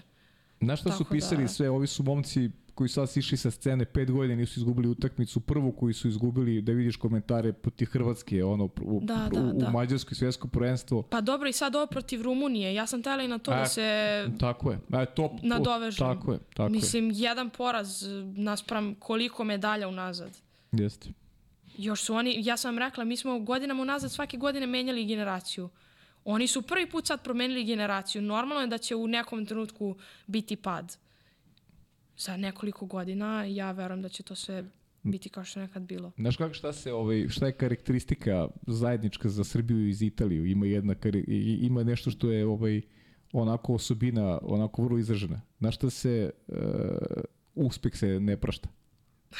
Znaš, ko je uspešan, da. taj uvek na, na, na tapetu. Čeka mu Pa se da. samo jedna, ovaj, Graška. jedna greška, malo klizaviji teren i to je odma ovaj, Da.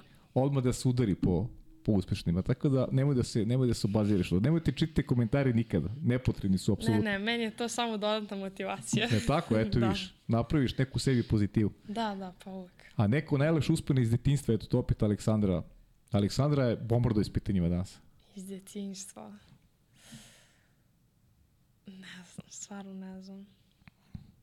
Ajde, neću, neću te mučiti, ne sjećaš se, ali imaš neki ritual pred utakmicu ili, ili nešto što što ovaj ne propuštaš da uradiš ili, ili ne, ne, ne razmišljaš tim detaljima. Pa nemam sad ništa specijalno, mislim da to generalno svi ovde rade, recimo pre uskoka u bazen, tri puta se prekrstim i ovde u Italiji, to mi je ono.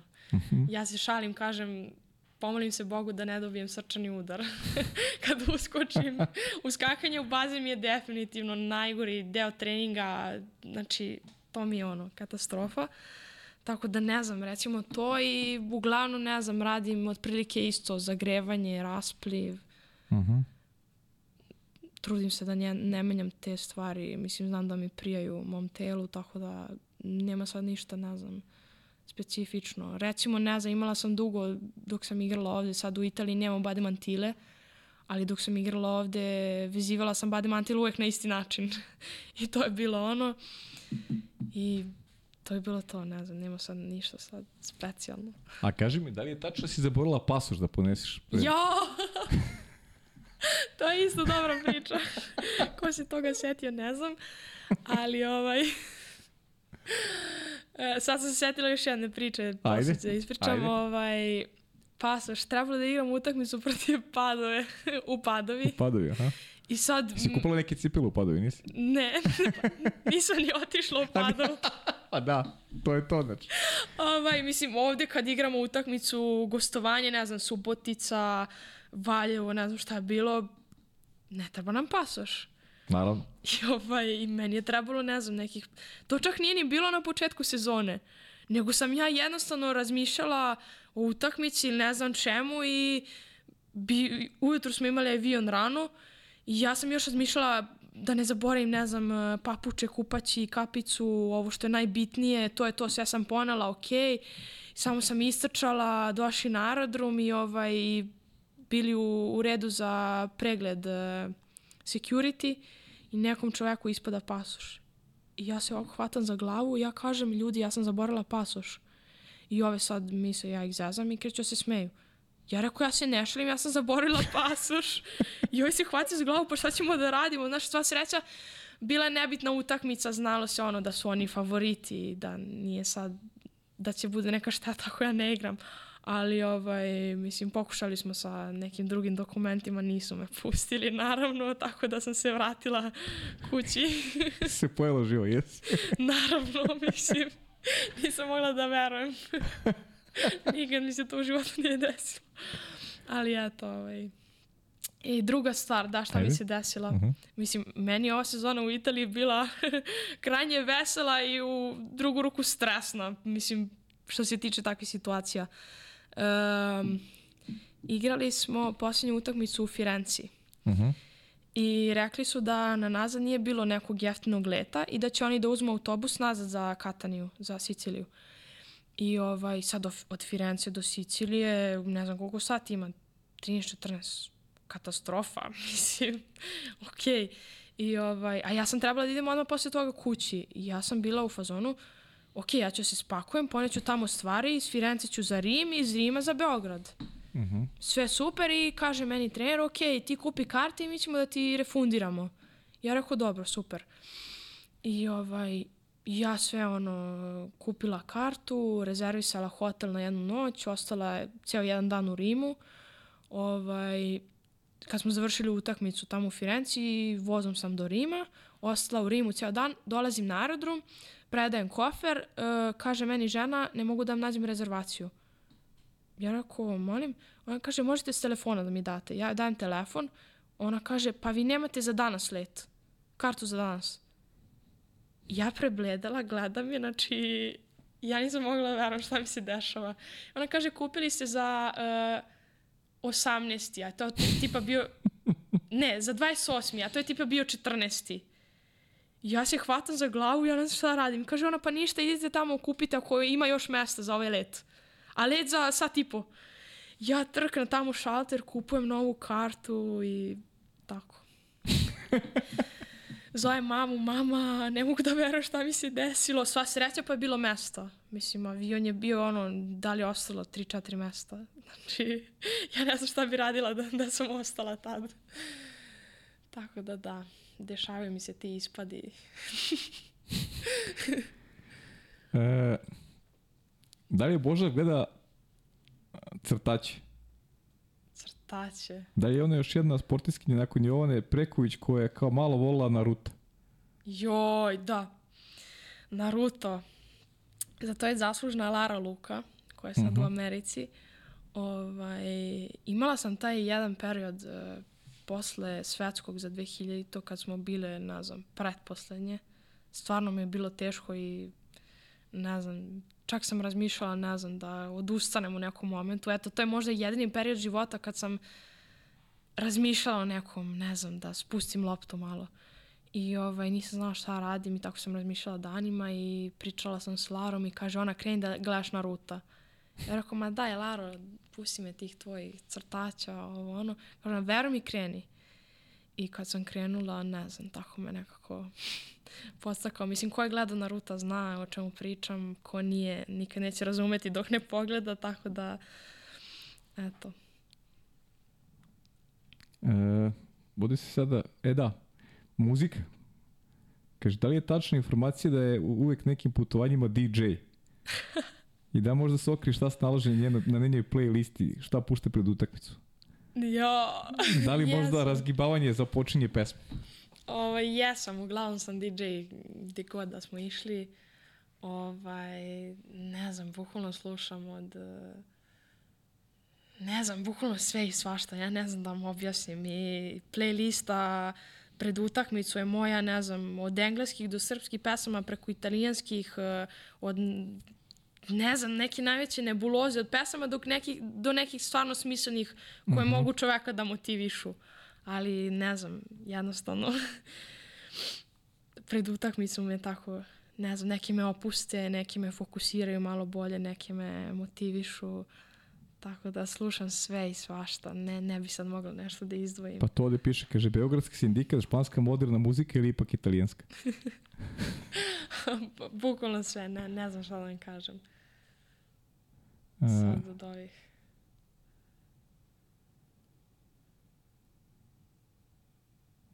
Dobro, ovo su opet sad neke, neke motivacija pesme, ovo ono. Um, da je tačno da su njena mama i ona deo najunikatnije, najlepši, najoriginalnije vatepolo priče, tačno da su njih dve igrali, da, to, je, da, to smo pričali. E, uh, futbol, vaterpolo, da, na da, smo, pa mislim da smo malo, manje više smo sada Anči sve prošli. Sva da, životni, životni sportski moto, da, to je ono što te pita, što te pita, ovaj, O, životni moto, šta možeš danas ostavi za sutra. Mislim da se primetiti po mojim po mom učenju pred kontrolne, šalim se. To je bila šala, više to ne radim, ne mogu tako na fakultetu, mm -hmm. logično. Ali, oj, pa ne znam šta bi sad izdvojila. Mm,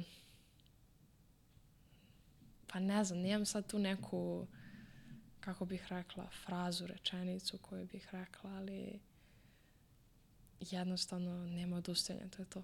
Da. A, dobro, kaži mi još ovaj, ok, Izrael je početak godine, to je tvoje treće već evropsko prvenstvo. Da. Da, prepostavljam da si onako sigurno bila i uzbuđena kada si prvi put igrala za reprezentaciju, uh, tada si još bila i maloletna si bila još kada si, kada da. si debitovala za, za reprezentaciju, pa eto, nismo se malo dotakli te reprezentacije, neko mi se podrazumeva, govorili smo više o tom aktualnom momentu. Da. Kakve tu uspomene vučeš, ovaj, šta ti je ostalo upečatljivo pre nego što je to za kraj ostavimo priču o porodici? Pa ne znam, mislim, kao najmlađi igrač uh, nosila sam kapice, sve standardno, ovaj, da, da. to mi je ostalo upečatljivo. Ovaj, da, bila sam na evropskom uh, u sobi sa Jelenom Vuković, koja uh -huh. me je mhm. maltretirala. Ili da. jeste? Ovaj, ali iskreno zahvalna sam i na tome, jer uh, tipa ima anegdota uh, pred utakmicu sa Hrvatskom, najbitnija utakmica otprilike u, u grupi. I ovaj, ja sam joj rekla dan pre da ja ne znam šta ću da radim, da imam tremu, da ono, mislim ok, mi smo odigrali već dve utakmice protiv Rusije i Grčke, ali zna se kako se to završilo i da to nije ono mm -hmm. na što mhm. smo se mi fokusirali. I, ovaj, i ona je meni rekla, ja ubiću te sutra, vidjet ćeš, znači ne, nećeš znati šta te čeka pre utakmice. Ja rekao, ma vaši. I ovaj, zvoni alarm ujutru i sad, pošto smo imali neku loptu u sobi, I ovaj, zvoni alarm i sad, ko je bio sa mnom u sobi zna da se ja na alarme nikad ne osvrćem, da nekad zvoni po pola sata, neću ga ugasiti jer ne znam, ne čujem ga. I ja sam u dubokom snu, jel te? I ovaj, I zvoni alarm i Jelena se budi, gasi alarm i gleda me ovako i ovaj, ja osjećam da me gleda, ali spavam, ne mogu ja sad da otvaram oči, ja se budim, ne interesuje me. I, ovaj, i uzima loptu i gađa me posred lica. I ja ovako uzimam loptu, sklanjam sa lica i ne znam šta me snašlo. Znači, nisam se ni, ni razbudila kako treba, već me krenula tortura. Znači, ali tu utakmicu protiv Hrvatske, mislim, zapamtila sam taj šut u glavu, ali stvarno sam odigrala, mislim, ne znam, na, na nivou, ono, ja nisam očekivala da ću tako odigrati. Zadovoljna sam bila baš. Uh mhm. -huh. ovaj, I to mi je možda jedan od tih golova, dala sam dva gola, ja mislim. Jedan od tih baš ono pamti, možda mi je do sada i omiljeni gol za reprezentaciju. Uh, bil, bilo je uh, igrač više smo imali i totalno neka loša formacija, ne znam, i sa zgodnog krila meni na nezgodno krilo pada lopta na vodu. I ja sam se bila iznervirala ili šta što je lopta pala na vodu.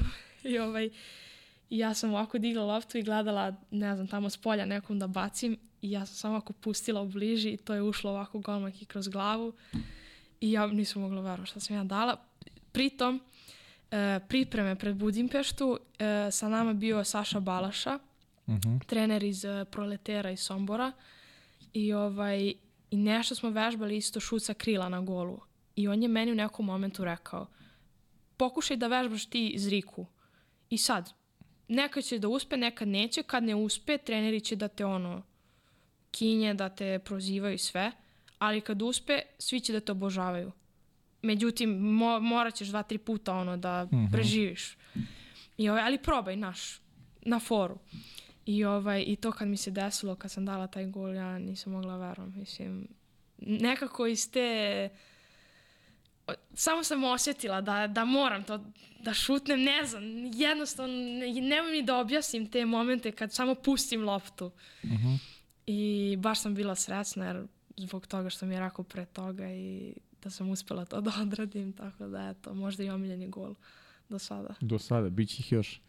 E, obično eto za, za, za kraj da ovaj malo ispričamo o, o porodici. Rekli si, brat igra vaterpolo, mama u vaterpolu, pa Da. Ovaj, izvoli.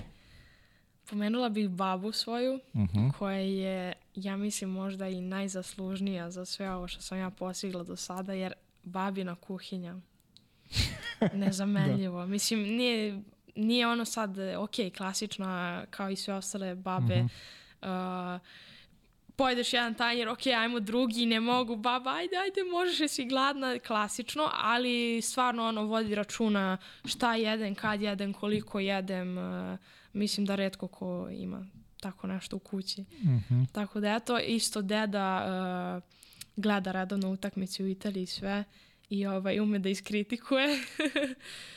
Tako da, eto, ovaj, e, imam tri tetke u Subotici Mhm.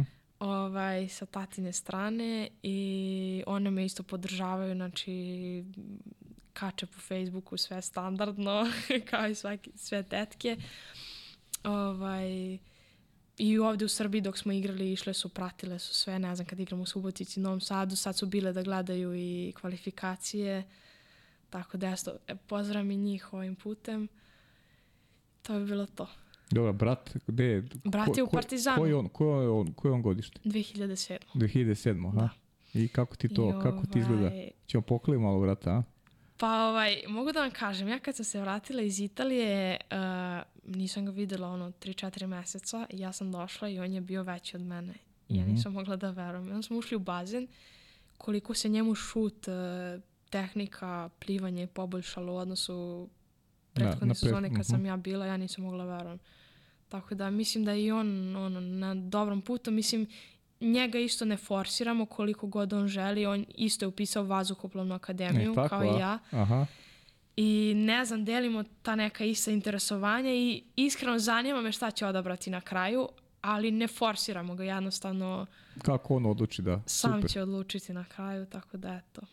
Anči, ili ima nešto što, što te ovaj, nisam pitao, a, a htjeli bi da ispričaš za ovo tvoje prvo gostovanje u podcastu pod kapicom, pošto ovaj, znam da će ih biti još. Sada sam ne stvari da će ih biti još. Ne znam, iskreno, mislim da smo prešli preko svega manje više uz ovoliko video pitanja i ostalih pitanja. Si zadovoljna ili si, da, ti brzo, da, ti brzo iskreno, prošla? na početku sam baš imala tremu, mislim, vi ovde znate, tresla sam se Mhm. pre početka, ali ovaj, baš mi je bilo zanimljivo i prijatno. Hvala ti puno i hvala ti na ovom poklonu. Ja sam da vidim poklon od tebe. Ovaj direktno iz, iz Italije. Ja onako, ja ne krim, ovaj, volim tu zemlju i imam i nekih konekcija i drago mi je da si mi ovaj, baš ovo poklonila i ovo će da bude onako posebno ovaj, poseban poklon koji sam, koji sam dobio. Do, donela si poklon i za Aleksandru, hvala ti ovaj, i u njeno. Da, njoj ćete to da... O, Da, ostavit ćemo ga ovde, dobit će Aleksandar taj poklon i Mogu samo ti kažem da sam uživao i mnogo ti hvala na, ja isto, da, hvala vam puno. na ovom i, iskrenom ovaj, razgovoru i na i mnogo mi sviđa kakve ambicije imaš i koliko si posvećena sportu i uh, ovako jedan primer devojke treba da pogledaju ovaj, ovaj podcast i, i one koji imaju dilemu, verujem da ih više neće imati kada je, kada je u pitanju Pa nadam se, ženski mislim, ja vaterpolo. sam rekla nešto, najveći uspeh od svih bi mi bio da neko kaže vola bi da se ugledam na Anu Milićević. To bi mi bilo kruna karijere. Devoj, devojčice, ugledajte se na Anu Milićević i nećete pogrešiti. Eto, to je bio 132. podcast pod kapicom. Jedan od mojih omiljenih definitivno, a u nazad dva sata spoznali ste zbog čega. Ko će biti sledeći gost? Pratite naše Instagram profile i verujemo da vas nećemo razočarati. Hvala na pažnji.